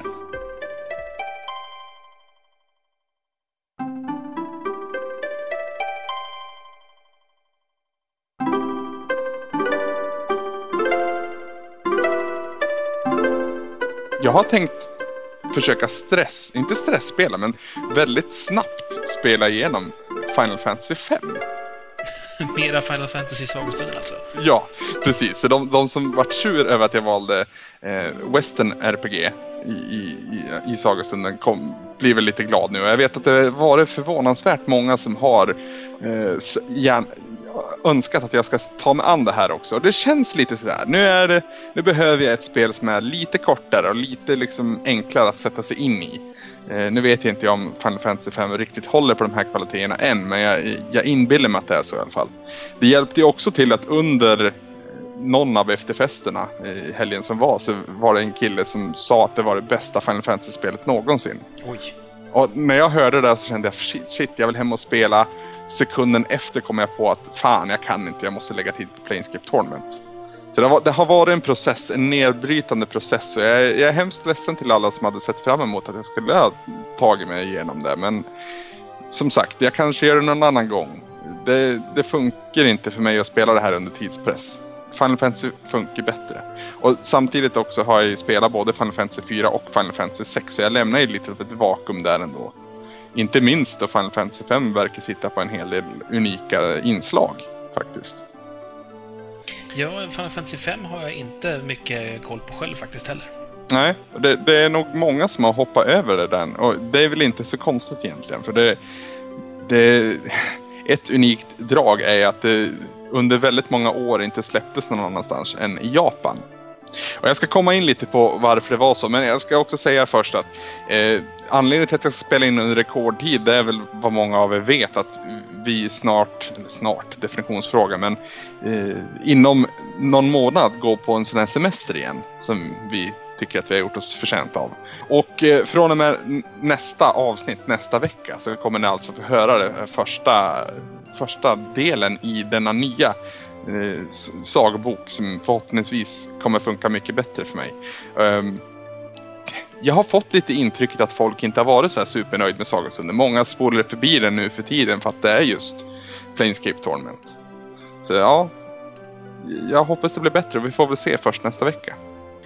Som sagt så släpptes ju inte Final Fantasy 5 utanför Japan under en väldigt lång tid och eh, vad, det, vad det här berodde på det är svårt att säga riktigt definitivt men det var väl en liten skavrelation mellan Square och Nintendo redan här. Ja, alltså... Det, jag vet inte riktigt. Jag, jag tror att det fanns väl liksom lite sådana problematikgrejer, men det var ju ändå så att det var självklart att de skulle släppa sina spel på Super Nintendo. Mm.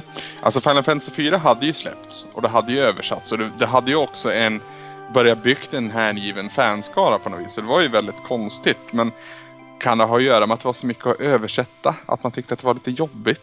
Alltså dels det, dels så vet jag inte hur bra eh, fyran sålde i väst. Eh, Alltså den faktan jag har tagit upp den visar ju ändå på förhållandevis rätt bra försäljning och framförallt så här eh, mycket critical acclaim. Jo, men i förhållande till hur dyrt det var att översätta det, tänker jag. Ja, ja det kanske det är då. Eh, och som sagt, relationen mellan Square och Nintendo är ju, var ju rostig redan här och den vart ju värre. Eh, längre, i, längre i framtiden. Jag tänker då framförallt på Final Fantasy 7. Mm.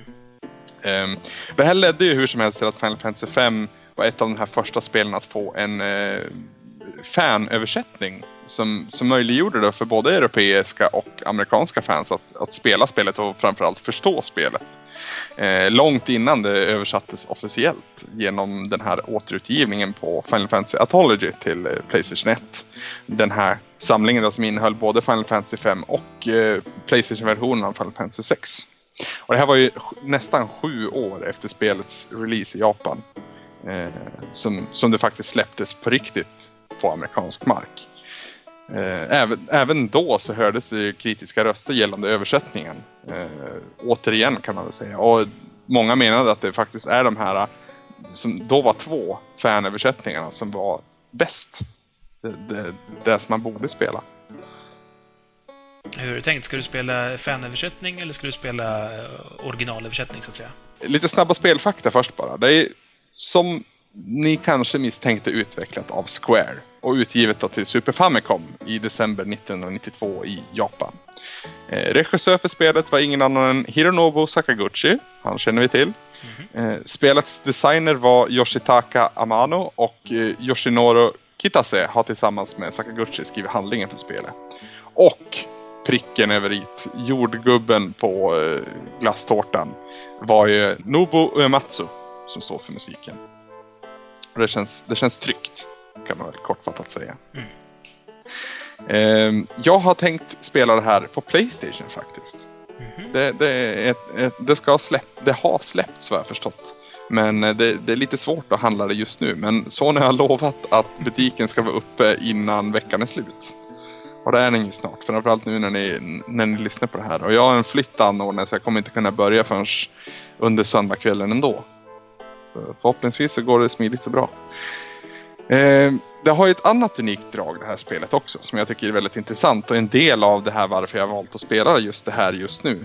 Eh, har ju också lite att göra med att i förra level så var det en, en ja, framsidan till leveldelen handlade om Final Fantasy 5 och det stod väldigt mycket matnyttig och häftig information som fick mig ännu mer sugen på det. Så, eh, det är lite deras fel också. Ehm, ett unikt drag pratar vi om och det är alltså det här gameplay-systemet som har kallats för det bästa gameplay-systemet i rollspel någonsin. Eh, rätt så fetstilade ord. Eh, jobbsystemet från Final Fantasy 3 har, har här implementerats i alla fall och så har den förfinats i eh, detalj och enligt väldigt många så är det här systemet det bästa som Square någonsin har gjort.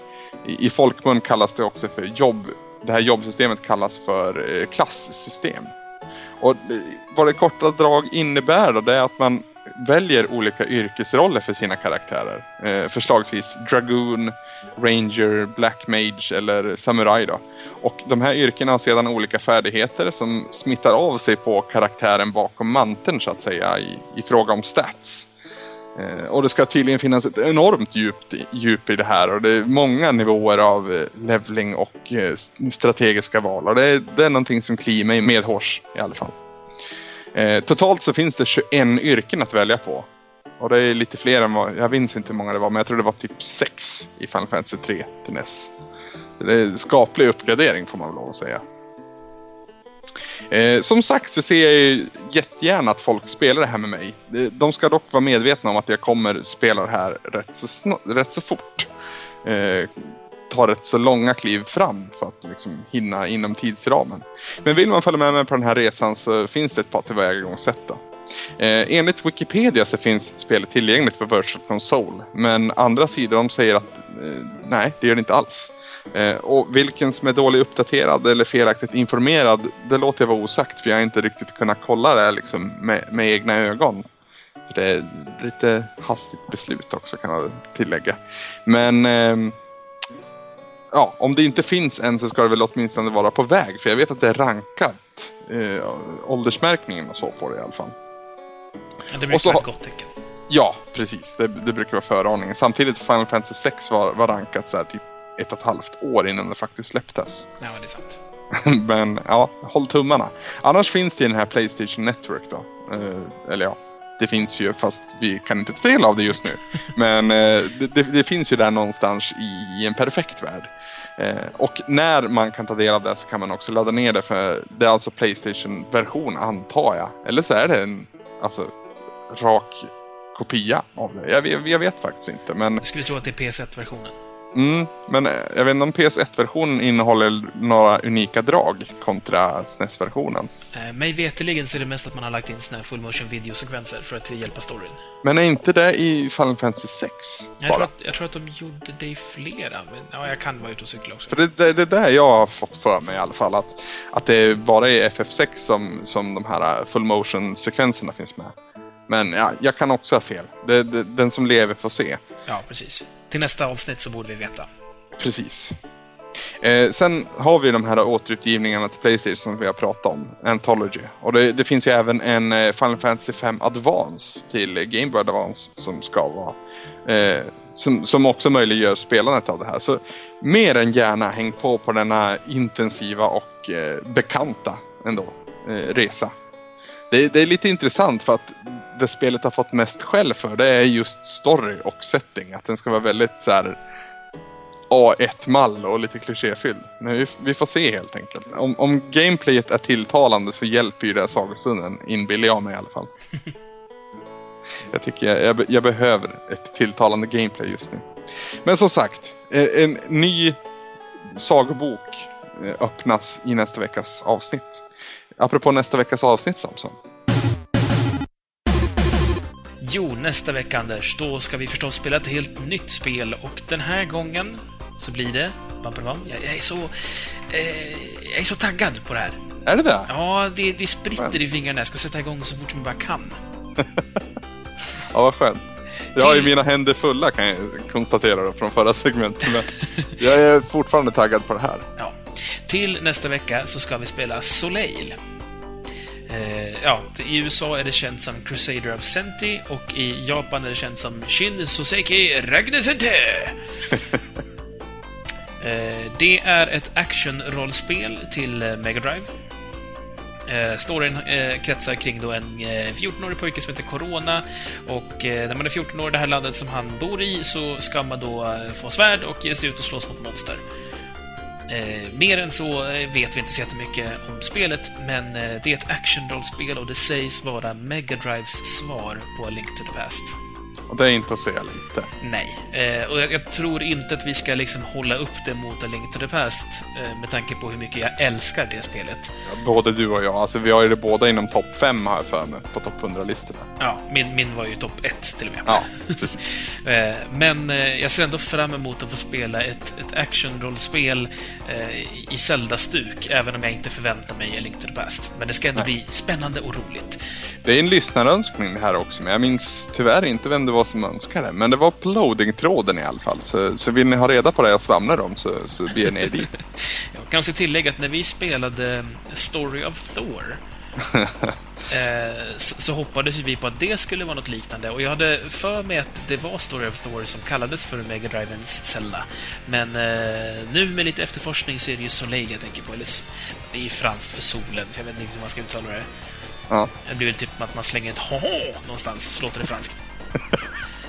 Eh, det är i alla fall utvecklat av ett gäng som kallar sig själva för Next Tech och det är utgivet av Sega och i Nordamerika av Atlus. Det släpptes 94 eh, i både Nordamerika, Japan och Europa. Eh, och eh, ja, vad finns det mer man kan säga om det? Det är lite barnvänligt sägs det och det, det tycker jag inte är något problem. Nej, verkligen inte. Och kollar man på screenshots så, så ser man ju verkligen Zelda lookaliken. Det, det man inte gjorde i, i Story of Thor. Lite grann. Det, såg, det, var, det var lite för våldsamt, jag vet inte. Ja, och sen det, det var en annan... Eh, alltså, designmässigt så körde man ju mer på en tecknad stil. Mm, precis. Här känns, ja, det här känns bra, Samson. Vad känner du om de här eh, Nex Entertainment, gänget som ligger bakom det? Ingen aning faktiskt. Eller Nextech som de också heter. Ja, jag vet inte. De har gjort, de har gjort något så här, de har gjort uh, Code Veronica till Dreamcast, Resident Evil alltså. Jo, alltså det är mycket så att de har gjort liksom portningar av saker. Ja, men sen tror jag Time Crisis 3 och 4 till arkad. Jo, fast jag har inte spelat dem så jag vet inte om de är bra. Det som skrämmer mig lite är att det är de som ligger bakom eh, PS3-versionen av Bayonetta och den är en riktigt dålig Ja, portning. den, var, den, var, den var rent ut sagt usel. Ja. Men det, det är väl kanske att de fått ett tråkigt portningsjobb. Alltså, det, förhoppningsvis brinner det här spelet av, av kreativitet. Jo, precis. Håller tummarna. Ja, och jag lägger hoppas. rapport nästa vecka. Precis. Spännande, Anders. Spännande. Yes! Det är mycket spännande nu nästa vecka känner jag. Nu har vi satt ribban högt. Jag hoppas att, att, att, hoppas att spelen håller, så att. Ja. Men du, Anders, nu är det dags att knyta ihop säcken eh, en gång för alla för det här avsnittet. Jajamän. Eh, som vanligt så vill vi jättegärna att ni kommenterar. Vad tyckte ni om det här? Gjorde vi fel? Gjorde vi rätt? Vad tycker ni egentligen om Anders plötsliga avslut av Planescape Torment och eh, snabba eh, introduktion av Final Fantasy 5 istället? Eh, eller någonting annat ni vill komma med? Något tips på lite spel vi kan spela? PC-spel vill vi flagga för en gång till. Vi vill ha mer PC-spel.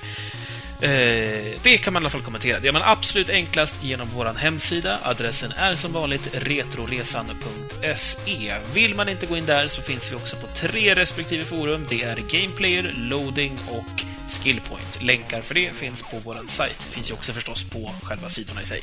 Och .se behövs också för de sidorna. Ja, just det. Gameplayer.se, Loading.se och Skillpoint.se.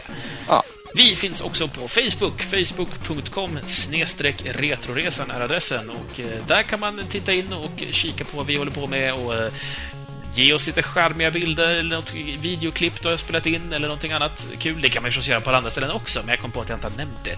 Vi har ju en community-del på vår hemsida och där lyfter vi gärna fram eh, det som ni bidrar med till oss, eller till eh, allihopa. Och jag tänker till exempel på det här dryckesspelet som håller på att forma sig på Twitter. Bidra gärna till det och så, så ska vi se till att sammanställa det på något vis eh, i, i ett fint dryckesspel. Så ska vi förstås testa det också allihopa någon gång ta gärna bilder på när ni, ute, när ni praktiserar också. Det kan Oh, bli ja. väldigt kul. det kan bli mycket kul. Eh, Twitter nämnde jag, där finns ju också vi. Och eh, vill man prata med hela showen så kallar vi oss kort, kort och gott för Retroresan på Twitter. Men vill man prata med mig eller Anders så heter vi Brunlöv för dig Mm. och Move the Bongos för mig i ett ord. Då. Yes. Och man kan också mejla oss. Adressen är självklart kramkalas. Samma ord som vi också ska ropa när ni ser oss på stan och vill säga hej. Exakt.